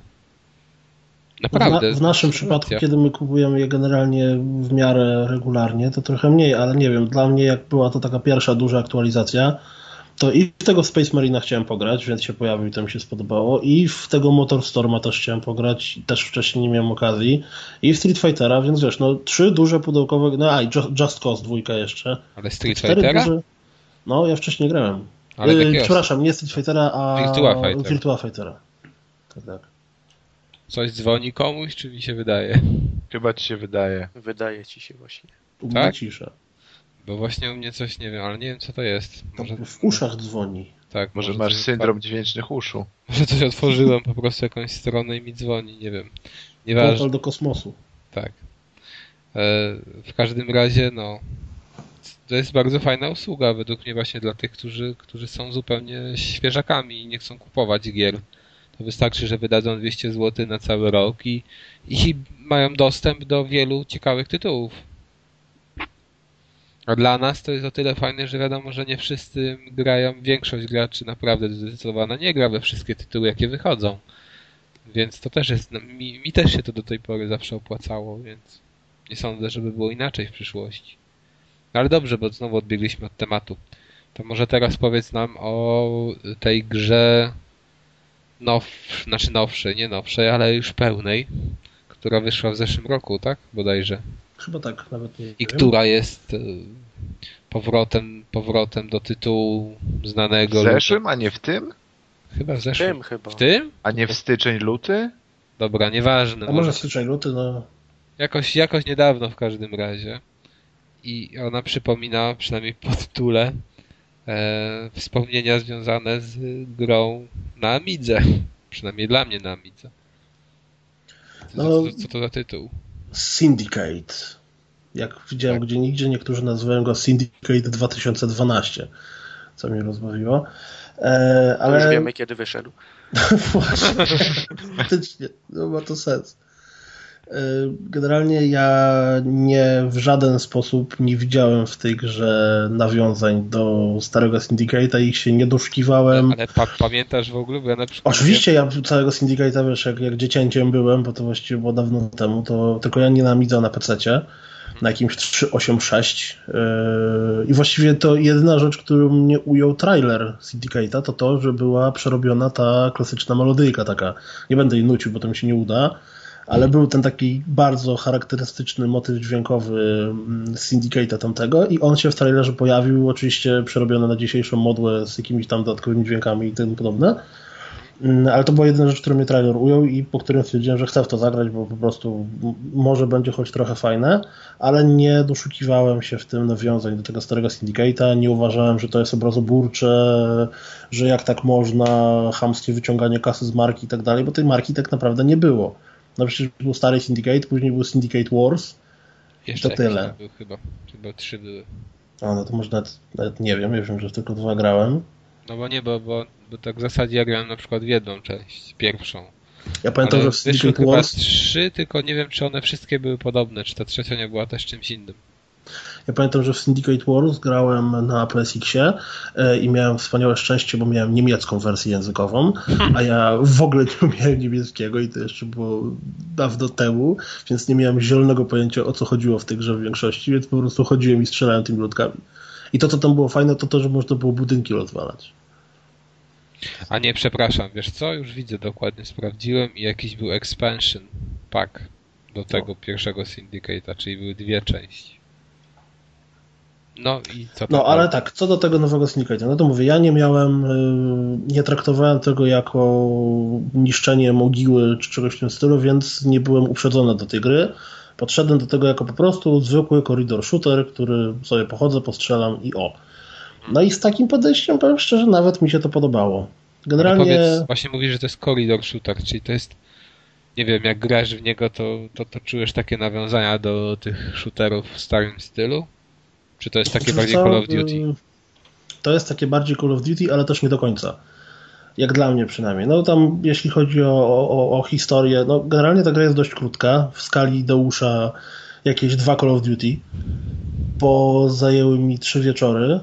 To jeszcze no, ujdzie jak dwa Call of Duty. Dwie, trzy godzinki mniej więcej, więc no mówię 7-8 godzin. Eee nawiązanie do starej części jest w tym, że to jest w tym samym świecie się dzieje. To znaczy mamy 2060 rok, Nie ma krajów, są tylko ogromne, wielkie korporacje i szpiegostwo przemysłowe czy szpiegostwo gospodarcze tak naprawdę zamiast jakiegoś tam kradnięcia sobie maili i tego typu rzeczy zamieniło się na po prostu zbrojne wojny, zabijanie się i porywanie naukowców i tym podobne. Mm, no i my jesteśmy jednym z takich agentów. Co jest ciekawe, to to, że przez całą grę nie miałem zielonego pojęcia, jak ja wyglądam jako ten główny bohater. Dopiero na samym końcu, w ostatniej scenie, bo przypadkiem kamera się zmieniła i okazało się, że to ja wyglądam tak, a nie, nie inaczej, co było zaskakujące lekko. E, nie będę mówił za dużo o fabule, dlatego że ponieważ ta gra jest dość krótka, to ta fabuła jest dość prosta i no w sumie no, ciężko mówić o historii, która, mówię, jest dość przewidywalna, nie zaskakuje w powiek, że już wiesz jak się zakończy i co będzie trzeba na końcu zrobić, ale nie ona jest główną siłą napędową. Po prostu się fajnie strzela i to jest chyba najważniejsze dla strzelanki. Mm, więc jak ja mówię, jesteśmy agentem korporacji Eurocorp e, i mamy wszczepiony nowy model chipa, który daje nam wspaniałe możliwości mm, i ten chip działa troszkę tak jak kombinezon z Crysisa. To znaczy mamy tak jakby pogląd na całe otoczenie dość specyficzny, czyli jak sobie stoimy i patrzymy przed siebie i stoi na przykład, nie wiem, tam jakiś facet, to nad nim się pojawia malutki napis, że to jest, nie wiem, facet. Albo jeżeli patrzymy na telewizor, to jest y, taka mała ikonka, że to jest telewizor. Mm, oprócz tego cały czas mówi do nas pani z tego y, chipa, komentując to, co się dzieje, że tam teraz jest inicjacja czegoś tam, a teraz jest moduł podtrzymywania życia, a teraz coś tam, a teraz y, będzie szukała drogi, jak dojść do celu, a coś tam, więc to trochę przypomina Crysisa, ale w przeciwieństwie do tego, co mnie akurat w Crysisie irytowało, to właśnie nie jest to takie nachalne strasznie. Bo w Crysisie ilekroć włączałeś, wyłączałeś jakąkolwiek umiejętność, to było o tym informacja, co po dłuższym o czasie matko, było... pamiętam. No, no właśnie, to było dość, dość irytujące. A, a tu jest to tak na, na tyle. Nie jest tego za mało, żeby cię to. Znaczy, jest tego na tyle mało, żeby cię to nie zirytowało, a jest to widoczne, przez co wydaje się nawet fajną rzeczą. A powiedz, czy to jest w ogóle jakkolwiek coś więcej niż shooter? Znaczy tak, masz y, Twista, takiego klasycznego shootera, który polega na tym. Nie, nie, Twista w rozgrywce, no. który polega na tym, że. Bo oczywiście tak, dwie bronie, odwracająca się energia, to, to, to standardy, nazwijmy to. E, ale przez to, że jesteś super agentem z super chipem, to masz moce. No i moce dzielą się na dwa rodzaje. Są moce, które są, nazwijmy to, agresywne, mhm. czyli możesz hakować, bo ponieważ w tym świecie wszyscy mają chipy w głowach, to możesz im te, te chipy hakować. E, I oprócz tego jest moc, która działa bezpośrednio na ciebie. No i to tam jest wytłumaczone, że ponieważ ten chip y, jest napędzany adrenaliną, to im lepiej sobie radzisz, nie wiem, jeżeli robisz jakieś serię zabójstw, tam 4-5 osób pod rząd, jakieś tam bajery, rozwalisz y, gaśnicę, przez co zabijesz trzy inne osoby, to wtedy tak jakby szybciej ci się ładują te moce. Czyli jeżeli dobrze grasz, to wtedy możesz ich więcej używać i wtedy możesz jeszcze lepiej grać, co daje taki fa fajny flow jakby. No tak, ale to wiesz, na przykład pamiętasz, rozmawialiśmy o Darkness, nie? I tam też były hmm. moce. I wiesz, czy to na tyle zmienia rozgrywkę, że możesz powiedzieć, że to jest tam coś fajnego, takiego nowego, czy to jest po prostu taki bajer tam rzucony? Znaczy, powiem Ci, że to jest bajer, ale jest to bajer, który jest tak mocno, bo używanie tych mocy jest banalne. To znaczy, masz te agresywne moce, masz trzy, czyli jest to samobójstwo, Czyli jeżeli to na kimś użyjesz, to, to ten, ten twój przeciwnik się zabija, ponieważ najczęściej ma przy sobie granat, to się wysadza, więc gości, którzy koło niego stoją, również wysadza. Masz coś, co się nazywa backfire. Nie wiem, jak to sensownie przetłumaczyć, ale to mm, działa w ten sposób, że tak jakby y, poraża tą osobę, że ją odrzuca do tyłu, ona jest doszołomiona, musi wstać, nie wie co się dzieje i jeszcze dodatkowo y, przyjmuje większe obrażenia i masz trzecią moc, czyli przekonywanie do swojej racji, czyli po prostu gość staje się tak jakby twoim botem, tak? I strzela dla ciebie, a w momencie, w którym wszystkich innych zabije, to sam siebie zabija. Czyli to jest takie hakowanie jak z Mindjacka. Nie, nie grałem w Mindjacka, więc ktoś nie wiem. Właśnie nikt chyba nie grał oprócz mnie. Ale to coś takiego było też. No. Teraz tak, całe hakowanie, oprócz tych trzech mocy, którymi działasz na, na, na ludzi, e, na przykład w momencie, w którym pojawia się na korytarzu taka wieżyczka strzelnicza, to tą ją, też możesz sakować i wtedy ona działa na twoją korzyść. Raz na jakiś czas pojawiają się przeciwnicy, którzy mają tak jakby takie polo ochronne i najpierw musisz to pole ochronne im schakować, żeby się wyłączyło i dopiero wtedy potem możesz do nich strzelać. Całe hakowanie, czyli i odpalanie tych twoich um, supermocy i te, te wszystkie inne rzeczy robisz po prostu za przyciśnięciem lewego dolnego e, bumpera. Czy L2. Na, na, Cwaniak z ciebie, tak, nie? Że, tak. Że takie masz moce, no dokładnie. jeden przycisk. Naciskasz jeden przycisk, ale widzisz, gdyby, bo na początku myślałem, że kurde, to jest takie banalne, to na pewno się znudzi, ale przez to, że to jest takie banalne i to tak szybko robisz, to tak naprawdę tak, biegniesz, y, zabijasz jednego gościa z bliska, potem do drugiego strzelasz, w międzyczasie trzeciemu kujesz mózg, żeby popełnić samobójstwo i to od razu potem się szybko przełączasz i na czwartym robisz ten backfire. I gdyby to było bardziej skomplikowane, to nie mógłbyś tego tak bardzo płynnie um, wpleść w rozgrywkę. I tam wiesz, pod koniec, kiedy jest, są po prostu takie hamskie killroomy, gdzie wychodzisz, jest jedno pomieszczenie i walczysz, nie wiem, z dziesięcioma gośćmi, to to się bardzo przydaje. E, i sprawia dużo frajdy. No, po prostu to, to jak czujesz, że jesteś masta, dlatego że potrafisz rozwalić 10 gości tak, że jeden popełni samobójstwo, a trzech zacznie ze sobą walczyć, to jest fajne. I teraz tak, oprócz tych mocy, nazwijmy to agresywnych, jest jeszcze coś, co się nazywa, hmm, bo ten chipset się nazywa DART 6. Jest taki tryb właśnie jakby podładowania się i wtedy tak, po pierwsze cały świat staje się niebieski, przeciwnicy są tak bardzo wyraźnie, mocno podkreśleni na pomarańczowo, widać ich przez ściany i tam, tam podobne rzeczy, plus dodatkowo lekko się czas zwalnia. Czyli oprócz tego, że masz te moce, którymi możesz atakować innych, jeszcze dodatkowo możesz um, sam siebie jakoś tam ulepszyć. używać? Tak, dlatego, że zwolnienie czasu odpalasz prawym bumperem. Aha, o, jak fajnie. tak. No, cwaniaki pomyśleli, ale powiedz mi tak w ogóle, nie? Bo tak mówisz o tych wszystkich rzeczach i to się wydaje naprawdę fajne. Właśnie Czyli... widzisz, cały problem z tą grą jest taki, jest. że moim zdaniem no. E, ona nie ma e, nic, co by było kiepskie, ale też nie ma nic, co było jakieś po prostu super rewelacyjne. To nie jest gra, która powie, że jest osą po prostu 10 na 10 i musisz w to zagrać, to jest taki bardzo fajny shooter na jakąś siódemkę, ósemkę. Za 20 którą... zł. Nie, no powiem Ci nawet, że za 50 zł absolutnie moim zdaniem warto. Jeżeli ktoś lubi strzelanki choć trochę, to warto sobie zobaczyć, jak się tam hakuje to o, wszystko, to na pewno strzela. Piotrek, to jest... No wiesz, ja lubię, ale jakoś te strzelanki, które chyba są naprawdę doceniane na 4. Teraz tak, co tam jeszcze jest? Jest kwestia bossów oczywiście, jak to w każdym shooterze. No i jak to w większości bossowie są tacy, że trzeba na nich znaleźć sposób. To znaczy, po prostu nie wystarczy stać na Jana i tam strzelać ze wszystkiego, co masz przy sobie, tylko a to tam trzeba tego schakować, a tam trzeba tam jakieś rakiety wysłać w plecy. A, a to, to trzeba strzelać w oko albo w czerwoną kropkę wielką na ekranie. Tak, dokładnie tak. Mm, I generalnie to jest dla mnie dziwne, bo mam nadzieję, że to wynika też bezpośrednio, to jest prosta gra, tak? Idziesz przed siebie, po kolei pokonujesz planszelaż, bawisz się mocami i tyle. E, fabuła jest prosta, w sumie pojawiają się tam, nie chyba cztery postacie takie ówne w fabułę. Mm, a oprócz tego jest tam od groma znajdziek. To znaczy, znajduje się jakieś wizytówki, które są porozrzucane po kątach. Można hakować komputery i sobie przesyłać dodatkowe dane. I to wszystko w ogromny sposób rozbudowuje coś, co można by nazwać jakąś taką encyklopedię. I to, czego ja nie rozumiem, to to, że jest tam mowa, nie wiem, o 30 różnych postaciach, o tym, jakie korporacje czym się sobą różnią, jaka jest ich historia. I dla mnie to wygląda tak, jakby oni mieli pomysł na zrobienie bardzo rozbudowanej gry, ale nagle dowiedzieli się, że nie mają budżetu na zrobienie rozbudowanej gry i po prostu te wszystkie pomysły, które mieli, musieli jakoś, chcieli tak czy siak wsadzić, więc wsadzili to po prostu jako encyklopedię, gdzie możesz sobie przeczytać tony tekstu, żeby się więcej dowiedzieć o tym świecie. Hmm. I... Ale to jest trochę słabe. Nie?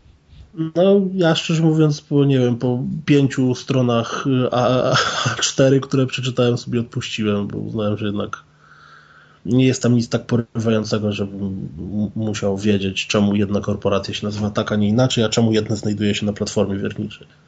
Właśnie, to co jest jeszcze, mm, nie wiem, może się doszukuje, ale dla mnie są w tej grze takie lekko poukrywane y, mrugnięcia okiem do ludzi, którzy grają, grali w Syndicate tego pierwszego.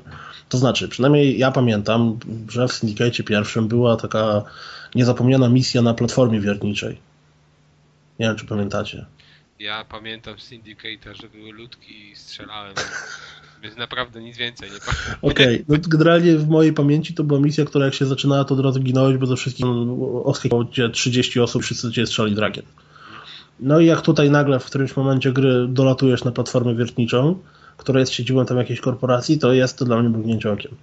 Teraz dalej, też w tym poprzednim syndicacie, jak było intro, to było pokazane jak łapią gościa, wkładają go do takiej maszyny, która trochę przypominała ten taki człowiek y, wirtuniański, tak? W... Kojarzycie? Mhm. Taki obraz, jak, jak to się nazywa? No, Wujek no, Google. Teraz no, mamy i tu... wszyscy zaćmy. I tu też jest to, że w którymś momencie włączają cię do takiej maszyny i samo jak tam to oglądałeś w intrze, to tu oglądasz to z perspektywy pierwszej osoby. Eee, to wszystko, co ja mówiłem, dotyczy single playera, bo ja w koopa grałem bardzo mało, kiedyś tam w demko, teraz pograłem dosłownie troszeczkę i koop jest bardzo rozbudowanym, czteroosobowym w miarę sympatycznym, no ale to nie wiem, dla mnie czteroosobowy koop ma sens wtedy, kiedy się gra w cztery osoby jakoś tam się znając, a nie z, z randomowymi ludźmi z internetu. Więc o koopie za dużo nie powiem. No dobra, ale powiedz mi tak, bo jakby chyba to, co by mnie interesowało, to właśnie ta fabuła, ale mówisz, że w zasadzie fabuła sama w sobie w kwestii, no nie wiem, tej, tego prowadzenia jest słaba, bo jest podana w większości w jakichś opisach, znaczy nie, nie, nie, właśnie nie. Znaczy świat jest narysowany. Znaczy świat jest podany w opisach, natomiast fabuła, ta, ta bezpośrednia historia, która jest przedstawiona w tej grze, jest yy, przedstawiona po prostu scenkami, jak z oczu widzisz, co się dzieje. Nie, tak jak było w Half-Life'ie na przykład, gdzie po prostu ktoś do ciebie coś mówi, tak samo no tak, tak, jak tak, w Half-Life'ie bohater się nie odzywa w ogóle. Czy ona jest y, warta poznania, o to chodzi, czy na przykład dla, dla historii warto w to pograć? Jak się nie lubi shooterów. Nie, no jak się nie lubi shooterów, nie warto dla historii tego pograć. Bo no, no nie wiem, dla mnie ta fabuła jest strasznie prosta. Znaczy te historie w połowie gry wiesz, jak ona się skończy, wiesz, co na pewno się stanie. Co więcej, dla mnie tam jest jedna taka strasznie duża nielogiczność, ale nie będę o niej mówił, ani się o niej pytał, jeżeli ktoś mm, skończył Syndicate, to z, z, chęcią z nim o tym porozmawiam, bo, bo mówię, dla mnie to jest po prostu niezrozumiałe, czemu tam tak coś się dzieje, a nie inaczej.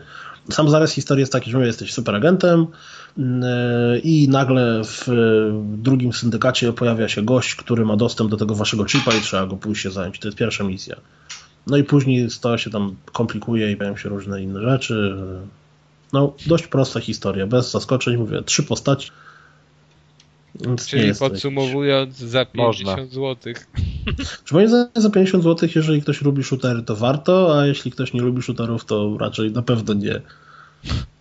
No to dobra, to w takim razie ja sobie ustalam granicę na 20 zł i zobaczymy. Ja jestem zachęcony. Ja bym w to chętnie pograł. Może poczekaj na promocję CD tu za 29,90. tak, to będę czekał do przyszłej generacji, może kupię, wiesz jakieś mm. wznowienie, HD remake, ale to oni też pewnie wydadzą za stówę.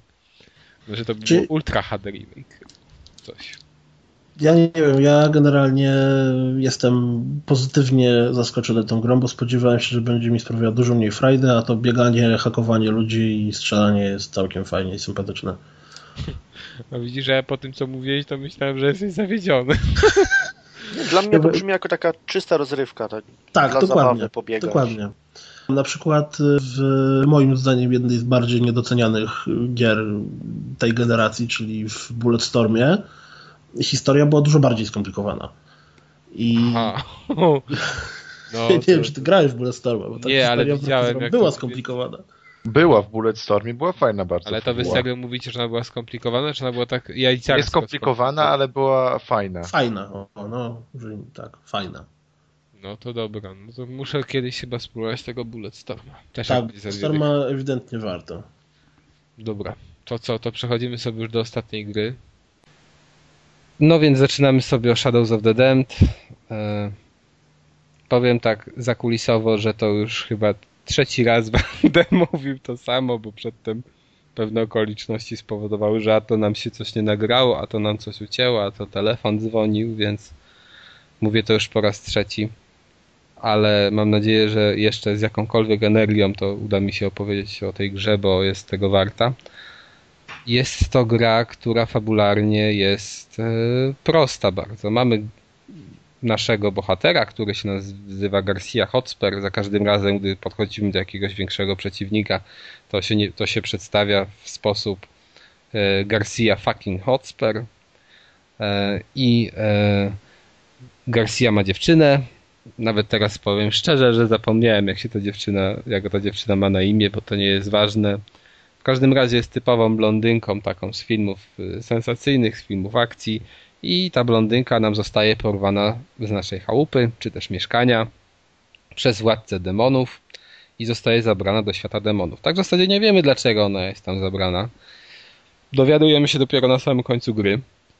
No ale co możemy zrobić? Ruszamy ją ratować. Przewodnikiem po świecie demonów, do którego się dostajemy, jest były demon, nasz pomagier, Johnson. I ten Johnson jest taką czachą, świecącą i latającą koło nas, też możemy ją trzymać jak pochodnie. E, I ta czacha również się zmienia w bronie, czyli nie mamy jakby standardowo różnych broni, które nosimy za pazuchą, tylko czacha w danym momencie się zmienia w trzy rodzaje broni z różnymi tam później urozmaiceniami. No w każdym razie może później przejdę do rozgrywki, ale najważniejszą, najważniejszą, może jedną z dwóch głównych ważnych rzeczy w tej grze jest e, historia świata przedstawionego bo jest to piekło, które wygląda y, no naprawdę fajnie. Jeżeli ktoś grał w Dante's Inferno, to, to, to pamięta piekło, które było pełne cierpienia, pełne bólu, takie traktowane na poważnie. Tutaj można powiedzieć, że ten świat podziemny jest podany tak z jajem. Owszem, wszędzie tam nam towarzyszą jakieś odcięte głowy, jakieś ogniska, nad którymi zamiast wieprza pieczonego mamy człowieka, który się piecze e, i inne tego typu fajne rzeczy. Ale to wszystko zostało tak ubarwione takim, można powiedzieć, japońskim stylem, to znaczy to piekło nie jest, nie można go traktować dosłownie, ono jest tak potraktowane właśnie z żartem i e, jest odzwierciedleniem w jakiś sposób już świata rzeczywistego, czyli na przykład mamy wybory w piekle na, na władcę demonów, e, który to jest określany przez Garcia mm, mianem dyktatora, dlatego że za każdym razem wygrywa i zmusza swoich poddanych do głosowania na niego. Mamy informacje o tym, że demony lubią truskawki, mamy informacje o tym, że demony nie lubią zębów i takie inne tego typu rzeczy, które są świetnie podane i naprawdę za każdym razem ja się śmiałem, gdy słyszałem jakieś nowe ciekawostki. Um, mamy jakąś rybę, która chodzi, tak, tak wygląda taka ryba z takim, z takim jakby wypustkiem do góry, który świeci i nasz Garcia rzuca, że to jest sushi with a dick. Ten sushi with a dick nam oświetla drogę, po której idziemy i zabijamy demony. E, więc jest naprawdę masa takich fajnych rzeczy. Są na przykład mamy informacje o tym, jak wygląda pinball w świecie demonów, czy jak wyglądają kręgle. E, sami możemy zagrać sobie na przykład ten pinball i kręgle. E, więc jest dużo takich fajnych rzeczy. Są też różne zagadki, takie ciekawe, skonstruowane i też śmieszne. Jest tryb Darkness, czyli przechodzimy jakby tak z normalnego świata w taki świat mroczny i wtedy tracimy energię. E, musimy strzelić w takiego kozła, w taką świeczkę jakby, a świeczka przypomina kozła, który cały czas coś zażera i ma po prostu świeczki na głowie zamiast rogów. I wtedy się wszystko rozświetla i już jesteśmy w normalnym trybie w ogóle jest bardzo fajny, fajnie to podane i, i, i rozgrywkę mocno to wzbogaca, ale no mniejsza z tym. W każdym razie, w każdym razie klimatycznie ta gra jest naprawdę przednia. Humor jest ala Duke'owy, ale podany chyba lepiej niż w Duke'u. No nie wiem, ja grając w tego nowego Duke'a też się trochę podśmiechiwałem, czy podśmiechywałem, nie wiem jak to powiedzieć. A tutaj non-stop mi się po prostu y, no, uśmiech nie znikał z ust bo za każdym razem jakiś fajny tekst się pojawiał, za każdym razem jakaś super ciekawostka o tym świecie. Więc jest naprawdę to wszystko świetnie podane i pod względem klimatu ta gra po prostu miażdży według mnie. Jeżeli chodzi o, rozgrywkę, no i też jeszcze możecie sobie poczytać o więcej, więcej takich ciekawostek z mojej recenzji, która jest też na niezgranych. Jeżeli chodzi o um, rozgrywkę, Jezu, cały czas tu chłopaki piszą na tym i ja już nie, nie mogę i mnie to wkurza, więc może przestańcie pisać. Bo nic... A, ktoś mi tutaj mówi, że mam jeszcze powiedzieć o bardzo fajnym elemencie, to znaczy jest checkpoint i ten checkpoint to też jest jakiś tam duszek czy demonik, który wystrzeliwuje w górę, gdy do niego podchodzimy i z niego tak wy, wy, wylatuje jakby taki płyn niebieski. No i Garcia w pewnym momencie rzuca do, do Johnsona, czyli do swojej czachy. Mówi, słuchaj Johnson, ja bardzo lubię, gdy się, pojawi, gdy się pojawia ten icy shower. Na, na to Johnson takim poważnym tonem. "Mm, Garcia, ale to jest, to, to, to raczej nie jest icy shower, to jest raczej golden shower. No, już chłopaki się śmieją któryś raz z tego samego dowcipu, ale każdym- Nie, nie, ale za każdym razem Jeszcze tak słyszę. Cały czas jest dobry. tak, To cały, jest nawet lepszy. tak, cały czas jest dobry i tam no, mamy bossa, który krzyczy fuck you non stop do nas. Musimy mu strzelać, bo to jest taki pierzasty boss, nie? I musimy mu strzelać tam między nogi, tak w sumie nie wiadomo co tam się pojawia, zaraz się pojawia czuły punkt i musimy ten czuły punkt rozwalić, Świeci żeby się. nie wygrać. Tak, świeci się. A prawe oko? Taki diamencik można powiedzieć. W E, dziób? No, nie, nie ma dziobu. Powiedz mi, ta gra ma jakieś poziomy trudności, czy jest Tak, tylko ma, jeden? ma poziomy trudności Na jakim grałeś? na normalu. I trudno było, czy nie? No w każdym, no zaraz powiem. Nie, według mnie nie. Według mnie to było wszystko do przejścia. Pojawiały się parę trudniejszych momentów, ale to błahostki. To jest to, no, czego ja się zawsze strasznie boję w takich właśnie mocno japońskich shooterach, czy tam jakichś takich zręcznościówkach, tak, że wiesz, nie wiem, będziesz miał walkę z bossem, którą będziesz powtarzał 74 razy, aż w końcu zirytowany wyrzucisz pada przez okno i uznasz, że jednak nie będę kończył tej gry. Znaczy wiesz co ciekawe, jak rozmawiałem z Arkiem, który nam przedstawiał też kiedyś grę, ale on jej nie skończył wtedy, jak o niej mówił, to podobno w jego tam mniemaniu, nie, on mi pisał, że jest właśnie generalnie całościowo jest w miarę przystępna i jest w sumie no prosta, no nie jest naprawdę trudna, no według mnie nie, nie było jakoś tam trudne, żebym się irytował jakimiś momentami, naprawdę nie. I e, mówił mi, że ostatni boss to jest po prostu płacz. A ja tego ostatniego bossa zrobiłem, nie wiem dlaczego, ale za pierwszym razem. Bez Może żadnych, płacz ze śmiechu, że jest tak bez prosto. żadnych problemów, bo tam jest Bo taki jeden, jesteś ten, dobrym graczem. bo tam jest tylko taki jeden motyw, że jakby coś się tak chwieje i trzeba to strzelić, ale wiecie, jak to się chwieje tam, ten to trzeba, to trzeba strzelić w odpowiednie miejsce, żeby w to trafić, nie? Świeci się? Tak, świeci, bo to jest ta głowa kozła, która nam odsłania darkness i robi się wszystko takie kolorowe. No w każdym razie, mm, no To, to, trochę jest tak jak w shooter... tym, jak w sabotażyście mówisz, ten Tak, Darkness, tak, bo to tak wygląda. Paryż. Tylko, że to nie jest y, takie, wiesz, sepia czarno-białe, tylko to jest po prostu taki mrok. W każdym razie bardzo fajnym elementem jest zdrowie. Tu nie ma odnawiającego się zdrowia, tu po prostu mamy zdrowie, musimy je uzupełniać, ale nie ma apteczek, tylko w świecie demonów obowiązuje alkohol. I po prostu mm, pijemy whisky czy absynt i im bardziej procentowy alkohol, tym, tym y, nam bardziej się zdrowie jakby powraca, tak? No to tak jak normalnie. Tak, no, no wiesz, no nienormalnie, bo właśnie Johnson mówi, że w tym świecie to alkohol nie szkodzi na wątrobę, nie? Więc można żłopać ile się chce. Regeneruje. Tak. A jeżeli chodzi już o samą rozgrywkę, mm, to jest według mnie kolejna genialna sprawa w tej grze, że ona ma strasznie fajnie podane, znaczy strasznie fajnie jest wyważona pod względem używanej broni.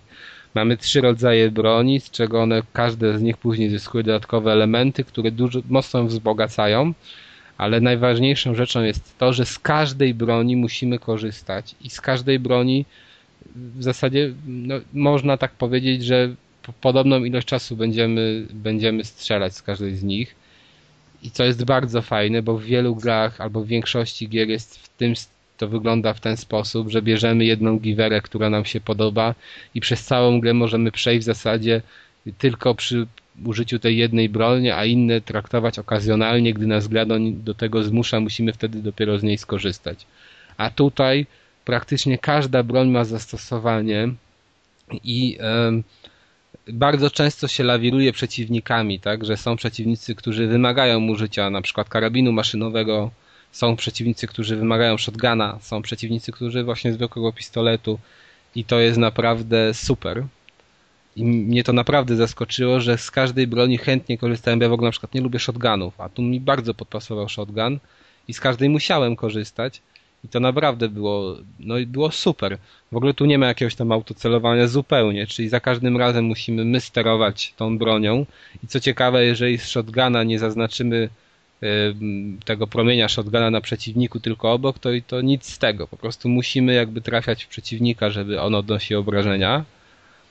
E, ale ta gra właśnie nie jest absolutnie przesadnie trudna. Są bardzo fajne walki z bossami. Są i, du- i ogromni tacy bossowie, 100 razy więksi od nas, są też powiedzmy naszych rozmiarów. Jest to wszystko bardzo fajnie podane. I właśnie dla mnie to jest gra, która trwa 9 godzin, a ja absolutnie, mimo że to jest strzelanka i nie ma żadnych osłon, to też ważne, i są cały czas korytarze, jeden wąski korytarzek, którym cały czas brniemy, to jednak jest tak fajnie to wszystko zrobione, jest y, dużo przeciwników. Się... Przepraszam, takie 2,5 Call of Duty? No, którzy się zmieniają bardzo tak w zależności od tego właśnie, żebyśmy my się nie nudzili. Czyli jeżeli jakiegoś mamy dosyć, to mamy pewność, że na następnym, z następnym rogiem pojawi się ktoś nowy, e, ktoś, kto będzie wymagał innego podejścia i to jest naprawdę super. Ja, ja w ogóle się nie nudziłem przy tej grze, co mi się praktycznie nigdy nie zdarza przy shooterach, nawet takich jak Uncharted, nie? że też strzelamy i jest super historia, a jednak miałem takie momenty znużenia. No tu w ogóle tego nie było. Tu są też właśnie też te zagadki. Jest ten tryb Darkness, który nam dodatkowo tak urozmaica rozgrywkę i powoduje, że musimy troszeczkę inaczej na nią spojrzeć i troszeczkę inaczej taktycznie bardziej się zachowywać. Każda walka z bossem jest w jakiś sposób inna i w jakiś sposób ciekawa i różnorodna i musimy stosować różne techniki. Um, unikać musimy często strzałów, nie da się tak, że idziemy na hura i do widzenia, tylko musimy unikać. E, fajne są, w ogóle fajnie to wszystko wygląda, jak odstrzeliwujemy na przykład głowy tym demonom, albo jak na przykład odstrzeliwujemy nogi, podchodzimy i je depczemy na śmierć. I takie inne fajne atrakcje. E, wszystko jest okraszone taką właśnie brutalnością, z taką, z takiego kina gore. E, nie wiem, jak znaczy, jak wiecie, jak Roberta Rodrigueza filmy. No, według mnie to jest naprawdę kapitalny tytuł. To jest w ogóle tytuł autora no, no, no Sudy, tak, Goichi Sudy, czyli odpowiedzialnego za No More Heroes i to widać trochę, chociażby w, chociażby no, w takim, w tym wyglądzie bohatera czy, czy, czy, czy świata. Jest też Shinji Mikami za to odpowiedzialny, czyli twórca Devil May Cry czy Resident Evil. I też tutaj czuć tę nutę tych gier. Jest Akira Yamaoka odpowiedzialny za ścieżkę dźwiękową, czyli oto jest naprawdę, jest naprawdę super. Święta Trójca. Tak, są utwory śpiewane i są świetne, naprawdę warto ich posłuchać po skończeniu nawet tej gry. No ja jakbym miał powiedzieć, powiedzieć coś, do czego bym miał się przyczepić i co mi się w tej grze nie podobało, to są chyba jakieś takie naprawdę drobne niuanse, o których nawet teraz nie umiałbym wspomnieć, bo, bo, bo ciężko mi coś znaleźć. To jest jeden z tych tytułów według mnie, które każdy na przykład fan japońszczyzny powinien zaliczyć. Każdy fan strzelanek, bo jeżeli ja widzę strzelankę, która mnie nie nudzi, no to już jest coś, coś wiecie, coś wyjątkowego. Więc naprawdę, tym bardziej, że teraz za 60 zł to można dostać. Nie ma co się zastanawiać. Jedną taką wadą, znaczy dla ludzi pewnie to będzie wada niektórych, że ona totalnie nie ma żadnego trybu ta takiego, że jest warto w nią grać jeszcze raz poza samym fanem, tak? Tam nie ma żadnego New Game Plus, czy nie ma żadnego trybu online. To jest typowo singleplayerowy tytuł na jeden, na, jed, na jeden raz, który się genialnie sprawdza i ja bardzo żałuję, że to się nie sprzedało w większej ilości egzemplarzy, bo chętnie bym sobie zobaczył kontynuację tego. Super. No jest ten Lollipop Chainsaw, bo to chyba jest tak klimatycznie w podobnych e, mhm. rejonach umieszczone. Znaczy tak, można tak, no to jest też chyba sudy, nie? Gra. Tak, tak, tak, tak, bo to jest tego Grasshopper. Tak, czyli te, te, tych deweloperów mhm, odpowiedzialnych mhm. za, za, za Shadows of the Damned. W każdym razie, no ja naprawdę to polecam i na pewno sobie się też po te Lollipop sięgnę, Chainsaw. No to jest coś kapitalnego dla mnie. Naprawdę, to jest jedna z, lep z lepszych gier na zeszłego roku. Zdecydowanie. Zdecydowanie jedna z lepszych gier zeszłego roku i to jest jedna z najlepszych strzelanek w ogóle. Takich, no, trzy, trzecioosobowych, tak? według mnie, no ale to ja mam dziwny gust, więc może komuś nie Tak dobra jak Mędrzek, czy lepsza? No, 100 razy lepsza niż Mędrzek. Ale naprawdę, wiesz co, ja sądzę, że po prostu ludzie tej gry nie kupili, bo ona miała marketing bardzo słaby, bo e, no bo nikt o niej nie mówił, a no jest naprawdę i jest po prostu tak jest cała zamknięta w korytarzu i to też pewnie jak ktoś słyszy, że jest jeden korytarz, idziesz cały czas do przodu, to, to, to nie chcą tego ludzie próbować, a naprawdę warto, warto. Ale ona generalnie to jest dziwne, bo na recenzję miała całkiem niezłe. Tak, ona miała właśnie Tam dobre rzędu recenzje. 7-8 chyba, z tego co ja tak No, pamiętam. nawet 8-9, no dobre, ona miała bardzo dobre oceny w sumie. Ja z recenzji pamiętam tylko najmocniej dwie rzeczy, o których ty nie mówiłeś. No. Że jest e, etap na gołej lasce i jest- że jest e, etap e, taki z twistem. Nietypowy jak na całą resztę gry, że tak powiem lecisz. Tak, jest. No i o tym nie powiedziałem, bo to są tak. Znaczy jest taki etap właśnie dwu- 2D, który przypomina stare strzelanki 2D, gdzie się leciało stateczkiem i się strzelało, ale to jest wszystko bardzo wolne. I to jest fajne urozmaicenie, ale nic takiego, o czym by można było super wspominać i, i, i czym za, za co trzeba było specjalnie chwalić tę grę, tak? No to jest takie tam Wiesz, zwyczajne, no, fajne ile masz uroz- gier, gdzie masz etap na gołej lasce, słuchaj. ale na gołej lasce to nie jest etap, tylko to jest w zasadzie tak y, po tej gołej lasce i ona nie jest goła, ona ma tylko mm, to, jest topless, można tak to powiedzieć. No to idziesz po tej gołej lasce dosłownie dwie minuty albo minutę i tyle. I to Wystarcza. dwa razy to. Wystarczy, no. Ale no naprawdę, to jak ja jak naprawdę się uśmiałem, dawno się nie uśmiałem tak przy żadnej grze, to chyba przy tym Deadly Premonition takie miałem ostatnimi czasy właśnie, jeżeli bym porównywać pod względem humorystycznym gry, to, to chyba Deadly Premonition. No ale dobra, nieważne. Już chyba za dużo o tym. Ja jestem zachęcony. No, ten humor idealnie we mnie trafia i na pewno to kupię. No humor jest Ja jestem naprawdę kurczę, super. zachęcony już od zeszłego roku, ale jakoś ciągle ona gdzieś tam spada po prostu trochę niżej na tej liście rzeczy do kupienia. No. Ale Nie naprawdę warto, bo ona nie jest no super długa, nie? Więc ją szybko skończysz. I ja miałem takie momenty, że mi była, było szkoda ją wyłączać. Więc no, według mnie to jest super tytuł. Dobra. E, kultura. E, co my tutaj mamy z kultury? Faunę mamy. Faunę, tajemniczy tytuł. Cóż to jest fauna? A więc fauna to jest gra planszowa. Mm, I fauna to jest gra planszowa, która generalnie w założeniach, jak ja o niej usłyszałem, to uznałem, że raczej na pewno nie jest to gra, która będzie mi się podobała, czy która się będzie w ogóle nadawała do gry ze znajomymi, bo jednak my planszówki gramy głównie ze znajomymi. E, A okazało się, że jest wręcz odwrotnie. I mimo, że założenia są niby jako gra dla dzieci, a ona się doskonale sprawdza przy jakichś tam, mm, nazwijmy to, alkoholowych e, spotkaniach. No i tak. mm, Libacjach, powiedzmy tak, nie? Dosłownie. Nie, no, aż tak nie, bo wiesz, bo to jednak trzeba trochę czytać i patrzeć. To, to, to przy aż takich spotkaniach się nie nadaje. To jest gra dla od dwóch do sześciu graczy.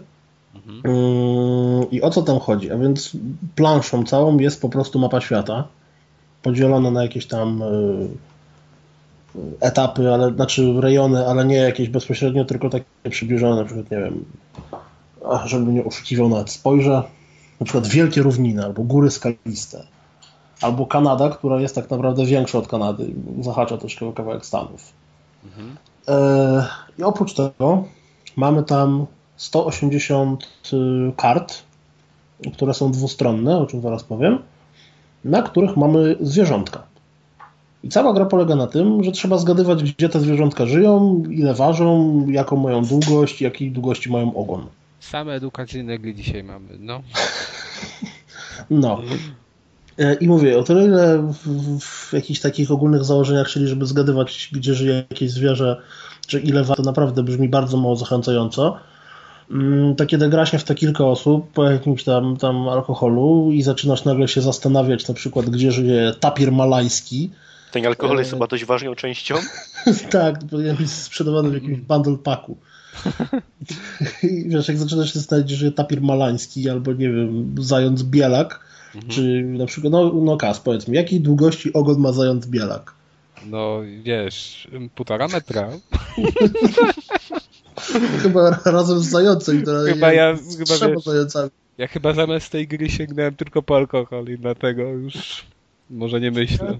To jest tak, że tam masz, y, ponieważ wiadomo, że zwierzęta... Ale, są- tam, ale powiedz w ogóle, tam musisz trafić jakby tak... Znaczy, Właśnie o tym chcę powiedzieć. Masz tak, masz, y, plansza składa się z wielkiej mapy, a na dole mapy masz trzy podziałki. Ciężar, długość bądź wysokość i długość ogona. Mhm. No i tam masz tak jakby zakresy. Czyli na przykład ciężar to jest od 0 do 1 grama. A tam, nie wiem, z drugiej strony skali masz na przykład od 100 do 200 kg. Jedna osoba może zaznaczyć sobie jeden zakres. Mhm. Znaczy, jeżeli na przykład podejrzewasz, że nie wiem, zając bielak waży około 5 kg i ty zaznaczysz zakres tam, nie wiem, od 5 do 10, a twój kolega albo koleżanka uważa, że zając bielak jest y, chudszy, to może zaznaczyć tylko już ten poniżej 5 kg. No. No to właśnie to jest fajne, nie? Że to nie musisz... No dokładnie. Generalnie graliśmy w to już parę razy, w i mniejszym i większym gronie i za każdym razem w momencie, w którym, bo te karty są zrobione tak, że jest y, nazwa zwierzaka, jego nazwa łacińska, jego obrazek, jak wygląda, a na dole karty masz mapę, na której są zaznaczone obszary, gdzie występuje i to wszystkie informacje. I kartę trzymasz w takim pudełeczku, gdzie po prostu widać tylko jej górę. Czyli każdy może sobie obejrzeć, jak wygląda zając bielak, może sobie przeczytać jego nazwę łacińską, jeżeli to ma coś pomóc, a wbrew pozorom w przypadku niektórych zwierząt pomaga. No i zaczyna się zgadywanie. No i wiesz, no i jak, jak gadasz sobie ze znajomymi i zaczyna się zgadywanie, gdzie występuje tapir malajski, y, czy na pewno tam, gdzie ci się wydaje i ktoś obstawi, że w Afryce, a kto inny powie, że w Anglii, bo wygląda jak królowa, a ktoś jeszcze powie, że na Antarktydzie. A właśnie jak ten to- zakres wygląda odnośnie na przykład kontyngentów? No to w sumie tych obszarów masz kurczę bardzo dużo, nie wiem. Załóżmy, że. E, poczekaj, bo muszę się. mm, No ale dobra, no już bez, bez przesady. już takie szczegóły to... Tak orientacyjnie. W Afryce masz, e, no nie wiem, z 10 obszarów w sumie. Mhm. Tak? Czyli to jest tak, no orientacyjnie. To nie są ani kraje, ani dokładne jakieś kraje geograficzne, tylko to wygląda mniej więcej. Teraz tak, mm, w sumie jest 180 kart, ale gra ma dwie, dwa poziomy trudności. Tryb normalny i tryb hardcore. To znaczy, karta jest dwustronna. Z jednej strony masz zwierzątka, które są przynajmniej z nazwy albo są w miarę kojarzone przez większość ludzi, którzy mają maturę albo się uczą w szkole. A z drugiej strony są zwierzątka, które nawet z nazwy nic ci nie powiedzą, a jak zobaczysz ich rysunek, to tym bardziej to też ci nic nie powie. Na przykład, bo nawet mam jedną przy sobie, suchak. No i co to jest suchak? Tak, no nie wiemy. A, no, wygląda jak jakaś taka koza. A, No. No i generalnie mówię, gra w mm, zamyśle, czy tam w teorii wydaje się taka dość przeciętna, a w momencie, w którym zaczyna się zgadywanie i nawzajemne podpowiadanie na zasadzie, tak, tak, oczywiście, słoń waży 100 kilo, dalej, dalej, zaznacz 100 kilo. Ale- tak, tak, słoń indyjski żyje w Afryce, oczywiście, masz rację. ale to jest, powiedz mi w ogóle, czy to, no na pewno to tak występuje, nie? Czy po prostu, jeżeli, czy tego jest na tyle dużo, że nie wiem, po trzech, czterech rozgrywkach już nie masz tak, że wszystko wiesz, nie? Bo wszystko poznałeś. No słuchaj, yy, generalnie w przeciągu jednej partii, bo tam jest oczywiście punktacja i tam prędzej czy później się dochodzi do wygranej, yy, określa się, nie wiem, z 15 zwierząt. Masz 180 kart, które są dwustronne, czyli masz 180 zwierzaków yy, tych takich normalniejszych i 180 tych takich zwierzaków bardziej hardkorowych. No ale pytanie brzmi, czy jeżeli będziesz w to grał i na przykład dowiesz się, ile waży słuchak i gdzie występuje, to za półtora miesiąca będziesz o tym pamiętał. Zwłaszcza, że tak jak mówiłem, będziesz miał Mhm. grę w paku z, z piwem, czy tam z... No tak, no. To może faktycznie być tak, że... Więc mówię, my w to graliśmy wiele razy. Ani razu nie pamiętałem. Nawet zwierzęta, które występowały dalej, to było dokładnie takie same strzelanie, jak za pierwszym razem, mm, y, jak kolejny raz się pojawiały, niż, niż, niż wcześniej. No wiesz, no, wiesz nie, nie uczysz się tego, po prostu nie skupiasz się na tym, żeby zapamiętać, że słuchak występuje tu i tu, Mhm. czy że kot rdzawy na przykład ma ogon długości takiej i takiej. Przez to tak naprawdę ta gra jest, y, no właśnie nie ma tego ryzyka, że się nauczysz na pamięć tego. Tego To jest fajnie. i mówię, wydaje się bardzo przeciętna, a w praktyce sprawdza się super. Jest zawsze strasznie dużo śmiechu przy tym y, odkrywanie tego, że nagle okazuje się, że wszyscy, nie wiem, nie wiem, strzelam teraz głowę, załóżmy, że jest coś, co się nazywa w stylu, nie wiem, europejski po czym nagle okazuje się, że kod europejski występuje tylko w Stanach. I wszyscy, od kod europejski zapewne będzie tu, tu i tu i tu, po czym nagle, że a nie, wcale nie, bo nikt nie trafił, jest kupa śmiechu na zasadzie... Mhm. No. Bardzo, bardzo fajny tytuł, to nas sobie. Ale powiedz jeszcze, ile to, na ile to jest osób, jakby? Tam minimum jakieś Od jest? 2 do 6. Aha, od 2 do 6. Oczywiście, jak Fajnie. to zawsze w tego typu planszówkach można grać sobie, jeżeli jest więcej osób, to można się na drużyny dzielić, tak? Można, nie wiem, grać na przykład w trzy pary albo... Nie, jasne, jasne, tylko właśnie mnie zastanawiało to, czy czasem nie ma takiego. No wiesz, że na przykład musi być czwórka, nie? Zawsze. Nie, nie, nie, no mówię, w dwie osoby nawet można w to grać. Czy generalnie ta gra była raczej w zamyśle jako gra edukacyjna, nie wiem, dla rodziców i dzieci, bo to tak, tak, tak, tak teoretycznie się idealnie by sprawdzało. No ale mówię, graliśmy ze znajomymi, zawsze było bardzo fajnie i graliśmy i w cztery osoby, i graliśmy i w sześć osób, i graliśmy tam też w dziesięć osób kiedyś, z jakimś tam właśnie podziałem na drużynę e, i zawsze jest e, kupa śmiechu przy tym. Dobra, i to jest jeszcze raz fauna, tak? Fauna, tak, nazywa się po prostu Fauna. To było wydane chyba, znaczy my to dostaliśmy, ja, ja, ja o tej grze czytałem i uznałem, że na pewno jej nie kupię, bo brzmi bardzo niezachęcająco, po czym dostaliśmy ją w prezencie. Mhm. No, jak dostaliśmy ją w prezencie, e, okazało się, że jest e, bardzo, bardzo, bardzo fajna i ja ją wszystkim polecam, bo naprawdę się na imprezy czy na jakieś tam spotkania bardzo nadaje. To po polsku jest, tak? Tak, tak, tak, tak, tak. To, to wszystko jest po polsku, plus, e, no bo wiesz, po angielsku niektórym zwierzętom mogło być ciężko, zwłaszcza tymi bardziej Tak. oryginalnymi. Ale wiesz, ale to w zasadzie to po angielsku czy po polsku i tak się nic nie mówi, nie? To, Ja to- akurat to- mam, mam pudło przy sobie, na przykład, proszę bardzo, aguti złocisty. Super. Afryka. Albo, o, to jest jeszcze lepsze, e, górarek zaroślowy. Jezus. Dobrze, to może skończmy już o tej grze, bo ja się boję, że zaraz się okaże, że ja nic nie wiem.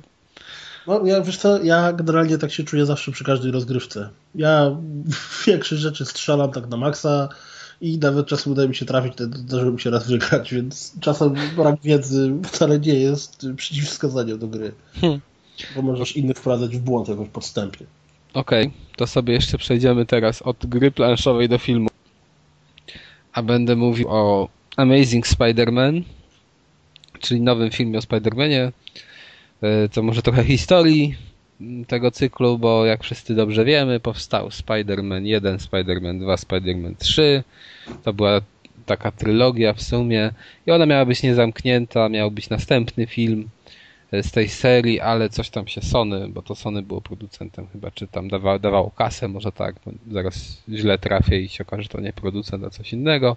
Dawało kasę i się pokłóciło tam z reżyserem i z aktorami, w ogóle chyba ze wszystkim i ostatecznie nie powstała cz- czwarta część Spidermana, tylko powstał zupełnie inny film, który się nazywa Amazing Spider-Man, który przedstawia jeszcze raz e, moment, e, gdy Peter Parker staje się Spider-Manem, z tym, że nie wiem teraz, czy do końca bardziej wiernie komiksowi to przedstawia, ale na pewno pewnych, w pewnych aspektach tak. Jest to na pewno pozycja troszkę inna niż tamten, tamten Spider-Man sprzed 10 lat. Jest na pewno troszeczkę inaczej są zarysowane te postacie, no i nie ma głównej postaci żeńskiej, którą była Mary Jane, tylko jest Gwen Stacy, która też się pojawiła w komiksie. Nie będę spoilował, co się dalej z nią stało w komiksie. Tutaj jeszcze się to nie stało, ale to chyba tyle o tej historii, a odnośnie już samego filmu, to można powiedzieć tak, głównym przeciwnikiem w filmie jest Lizard, czyli i tak nie ma sensu się rozwodzić, jeżeli ktoś wie, zna uniwersum Spidermana, to o kogo chodzi. Jeżeli nie, to, to, to i tak go to nie interesuje. W każdym razie ja zawsze przez takie, przez te filmy patrzę też, znaczy przez, na takie filmy patrzę przez pryzmat em, tego, czy nie są śmieszne. To znaczy niezamierzony, niezamierzony śmiech wywołują, chociażby przez kreację bohaterów, czy, czy, czy przez wygląd tych przeciwników. To muszę powiedzieć, że Lizard wygląda naprawdę fajnie oprócz samej jego mordy. No bo Lizard tak, czyli jaszczurka, no to powinna mieć taką, taką mordę właśnie wystającą. A on jest po prostu płaski i przypomina y, twarz człowieka pokrytą łuskami i to słabo trochę wygląda. Ale poza tym jest y, bardzo fajnie, jego ruchy są oddane i, i, i reszta ciała. Spider-Man też ma fajny kostiumik. w ogóle jeżeli chodzi o takie poruszanie się po mieście, jak sobie lecimy, ja widziałem to w 2D w kinie, nie w 3D, ale sądzę, że w 3D by też fajnie wyglądało. W każdym razie w normalnej perspektywie super się oglądało te widoki, gdy on się bujał na pajęczynie i e, lepiej to wyglądało według mnie niż w tym pierwszym filmie, no ale wiadomo, że technika poszła do przodu i takie rzeczy też e, można lepiej teraz zrobić, więc tutaj na pewno no, no to oczywiste, oczywistością było, że to będzie lepiej wyglądać, ale naprawdę no fachowo, tak, fajnie. To jest coś, co zachęca do tego filmu bez wątpienia. I teraz tak, główny bohater jest też troszeczkę inny niż w filmach e, poprzednich. To znaczy nie jest taką, wiecie, on takim był takim, taką ciotą trochę, nie? W tych poprzednich filmach. Tutaj jest takim bardziej zwykłym nastolatkiem, który tam, no, potrafi trochę tam i przypieprzyć komuś, jeżeli jest taka potrzeba, ale też dostaje upnia i nic nie może zrobić czasem, więc jest tak różnie, tak w zasadzie bardziej prawdziwie. A są też elementy, które się tam pojawiły w pierwszych, w pierwszych filmach, które nie były zgodne z komiksem, czyli na przykład to, że, że Spider-Man sobie sam siecią rzuca, tak? Że ona powstaje jakoś u niego tam w ciele. Tutaj Spider-Man jest e, dokładnie tak jak w komiksie, ma zbiorniczki, tak? Robi sobie zbiorniczki i w tych zbiorniczkach ma sieć, co ma też e, uzasadnienie takie, znaczy bardziej później w filmie, bo e, na przykład te zbiorniczki w pewnym momencie mu tam coś odmawiają posłuszeństwa z pewnego względu, więc na przykład nie może ich używać i tylko może się tam po tych ścianach tam wspinać, nie? To jest fajne, ale w ogóle jak ja zobaczyłem głównego bohatera, to ja sobie mówię, że to jest po prostu, że tutaj chyba dostał Tomek Kutera, trochę przypakował i dostał rolę, rolę w Spider-Manie. To jest naprawdę taki lekki Tomek Kutera na takich delikatnych sterydach.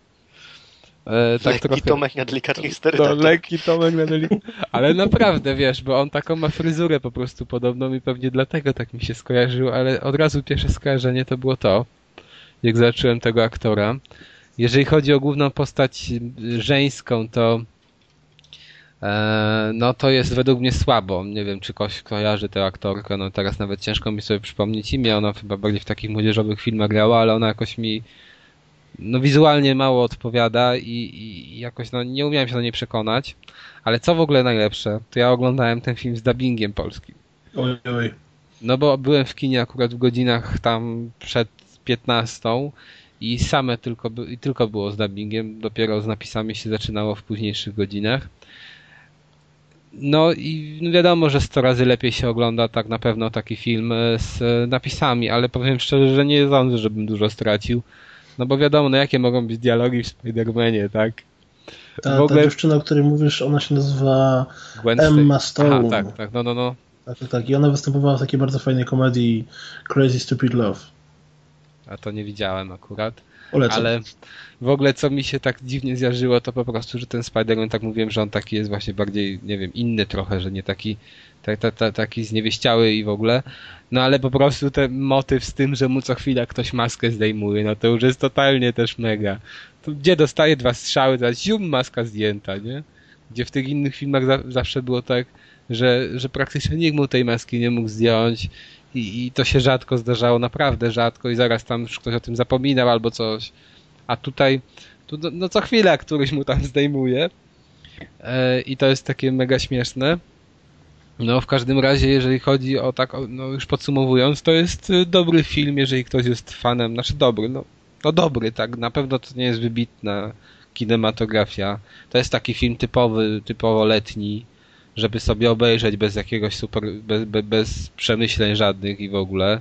Tu, tu, tu nie ma tego sławetnego e, zdania, że z wielką siłą wiąże się wielka odpowiedzialność ale pomimo to jest to naprawdę kino, które można obejrzeć. To nie jest też ten poziom, nie wiem jak tutaj ostatnio chyba ktoś opowiadał o Avengersach, że taki mega dziecinny, nie? Tutaj tego nie ma. Tu jest kino, które może obejrzeć i, i, i dziecko, i, i starszy fan się nie zawiedzie, ale nie powiedziałbym, no, że to jest film też dla wszystkich, tak? Bardziej dla fanów Spidermana każdym razie ja polecam, jeżeli ktoś lubi tę postać, to może sobie bez problemu ten film obejrzeć i, i nie będzie miał jakiegoś zgrzytania zębami, że mu zniszczyli, że mu zniszczyli no, ulubionego bohatera, tak? A to oglądałeś te tamte poprzednie części, czy nie? Tak, oglądałem. Według mnie akurat... Co jest lepsze? Ciężko mi powiedzieć, bo ja naprawdę nawet mam tego Spidermana gdzieś na DVD, ale ja go widziałem z 8 lat temu. Nie wiem, coś koło tego. I teraz wiesz, ciężko mi powiedzieć, bym musiał jeszcze raz go sobie zobaczyć. Wiem, że mi się wtedy podobał, ale to ja byłem trochę młodszy, to też inaczej odbierałem. Bardzo mi się nie podobał i pamiętam też, że byłem w kinie. Trzecia część. y, Tak, mi się w trzeciej części strasznie nie podoba to, jak ten główny bohater grał. To było po prostu... Tak, to, no, on, To- oni po prostu zrobili z niego jakiegoś takiego bawidamka, zawadiakę to totalnie w ogóle nie pasowało, bo tam nie, też był, no, dostał jad Venoma i to miało tam to sprawić, ale to było fatalne. W ogóle muzyka jakoś niedopasowana do scen walki, no same jakieś bzdury, tańczy. Ale ja pamiętam, że tam właśnie te sceny, które miały być niby jakieś takie, że on miał wychodzić jakiś taki cool i w ogóle o, nie wiadomo Tak, co i tak tak. to, to były po prostu tak komiczne, że ja myślałem, że ja tam umrę ze śmiechu, jak to się oglądało. No ale to było dla mnie, wiesz, to, to o tyle, że bardziej żałosne nawet. O, tak, właśnie. To słowo. No i jeszcze naj, najgorsze było w tym filmie to, że on był strasznie nudny, bo on był bardzo długi, miał rozwleczone wątki, e, miał głównego bohatera, wszyscy, znaczy głównego przeciwnika, antagonistę Spidermana, czyli Venoma, na którego wszyscy czekali dwie, i- dwie godziny, chyba 15 minut, aż się dopiero pojawił. I po pięciu minutach Więc- ginął, coś w tym stylu pewnie. No, więc to jest jakaś po prostu tragedia, no i, i totalnie mi ten film nie przypadł do gustu i dobrze chyba, że Sony zadecydowało, żeby to coś z tym zrobić, bo oni chyba by nie mogli tego dłużej ciągnąć. A tutaj jest po prostu nowe otwarcie. E, sądzę, że są jakieś tam perspektywy, że to będzie fajne. Ale wiesz, że on się dużo gorzej sprzedał i to tak mniej więcej jedna piąta tamtych poprzednich części? A to nie wiedziałem, że on się... jedna? Ja widziałem jakiś taki, taki pseudo-zabawny obrazek, gdzie było pokazane jak Ale się to sprzedał pierwszy... chodziło o grę? Nie, nie, nie, nie. Chodziło o film, bo chodziło o to, że ten aktor, który grał poprzednio się nazywa Toby, Toby Maguire, Maguire tak? chyba, no. Toby Maguire. Mm, I bo tam w ogóle chyba jakiś był konflikt między nim a wytwórnią, coś tam, że on sobie za dużą garzę życzył. I właśnie obrazek niby wskazywał na jego ogromną satysfakcję i triumf tego, że filmy z nim się bardzo dobrze sprzedały, a, a ten bardzo słabo. No i no być może, nie? Ale w każdym razie i tak sądzę, że ktoś, kto jest fanem, to to obejrzy, ale na pewno nie będzie jakoś mega zawiedziony, no bo tu cię, no, no, no nie spieprzono tego zupełnie, tak? To nie jest właśnie Spider-Man 3, gdzie według mnie tam spieprzono ten film. Tutaj jest ok, no i sądzę, że wszystkie filmy o bo- superbohaterach to raczej nie będą jakimiś mega dziełami, tylko będą generalnie ok. No są, no jest na przykład dla mnie powiedzmy seria o Batmanie ta nowa. Ona jest, no ja jej nie lubię, powiem szczerze. Dla mnie to jest, to są filmy najwyżej, no nie wiem, dobre, akceptowalne, ale ja nie lubię podejścia do, do, do Batmana, gdzie jest to wszystko pokazane tak, że jakby, jak gdyby Batman mógł zaistnieć w rzeczywistym świecie. I to mi się mega nie podoba, że on stracił dużo ze swojej komiksowości, a stał się zwykłym jakimś, nie wiem, kolesiem, który sobie kupuje tu, tam, siam urządzenia, jakimiś czołgami dziwnymi jeździ i inne cuda. I to mi się mega nie podoba. Tak, tutaj nie, są, nie czuję tego, że oni mi wyobrażenie o postaci zmienili. Naprawdę, wiesz, i to jest ważne, nie? Jeżeli ktoś jest tam fanem i ktoś sobie jakoś tam odczytywał tę postać bohatera, mniej więcej w ten sposób i, i, i, i, to, nie, i to nie zostaje po obejrzeniu filmu zachwiane. To jest ważne i wydaje mi się, że tutaj to, to, to jest. Nie ma tego, nie, nie ma tego negatywnego e, wydźwięku, więc jest okej, no. Można sobie Czyli- zobaczyć. Film komiksowy pozostał filmem komiksowym. Tak, tak, właśnie. To jest cały czas komiks. To nie jest jak Batman, że chcą rzeczywistość z tego zrobić. Ja na przykład bardzo lubię Batmany te... e, O Boże, tego zapomniałem. No wiecie, to z lat 80., nie? Mhm, Te mhm. pierwsze dwa zapomniałem. No jak się nazywa ten, re, ten reżyser? No, podpowiedzcie mi. Edwarda Nowożycorękiego. Zaćmienie czy Burtona. No właśnie. Właśnie Barton. Barton. I to była dla mnie idealna konwencja właśnie dla Batmana. Taka stuprocentowo komiksowa. Em, ale tego już nie ma w tych nowych Batmanach. A tutaj cały czas pozostał to. No ta komiksowa otoczka jest. Tylko, że znowu Spider-Man mało żartuje. I to mi się tak nie widzi. Bo on był zawsze takim żartownisiem i tutaj tego trochę jest mało. Ale poza tym jest, no okej i można sobie zobaczyć. To chyba tyle, no. Będziemy kończyć, panowie. Deusza już, Już? nie ma. Poszedł nad jezioro, pisał, musiał wyjść ze znajomymi jakieś parę minut temu. Mnie się nie pożegna ładnie. Ja bym jeszcze o Shadows of the Damned posłuchał. No, w ogóle dzisiaj tak naprawdę, początku. naprawdę ten odcinek jest wyjątkowy, gdy ja chyba, i który, cztery razy mówiłem o tej grze, czy ile? Przez te wszystkie Chyba zawirowania. cztery. Chyba z cztery, ale wiesz, to nie chwal dnia przed zachodem słońca, bo zaraz się okaże, że nadal się nie nagrywa. I Tak, będziemy całą kulturę powtarzać. ale wiesz, nie, teraz już jestem pewien, że się nagrywa, to chyba, że zaraz coś wywali, nie wiem, prąd albo coś i, i Tornado. Tak, tornado właśnie. A, ale nie, no kurczę. Mam nadzieję, że tego się jakoś w miarę słuchało, bo wydaje mi się, że gdybym to, jak to mówiłem za pierwszym razem, to taki pełen entuzjazmu. Nie, słuchaj, już, z każdym kolejnym było coraz lepiej. tak, jak już to mówiłem, Szkoda to tych katakumb. Później Tak. Tak, zabrakło nie powiedziałeś o katakombach. nie powiedziałem o katakumbach, bo Teraz już, szybko powiedz. Nie, już może nie. To, to przynajmniej jak ktoś będzie grał w Shadows of the Dam i znajdzie się w katakumbach, to jest fajny dialog i, i może.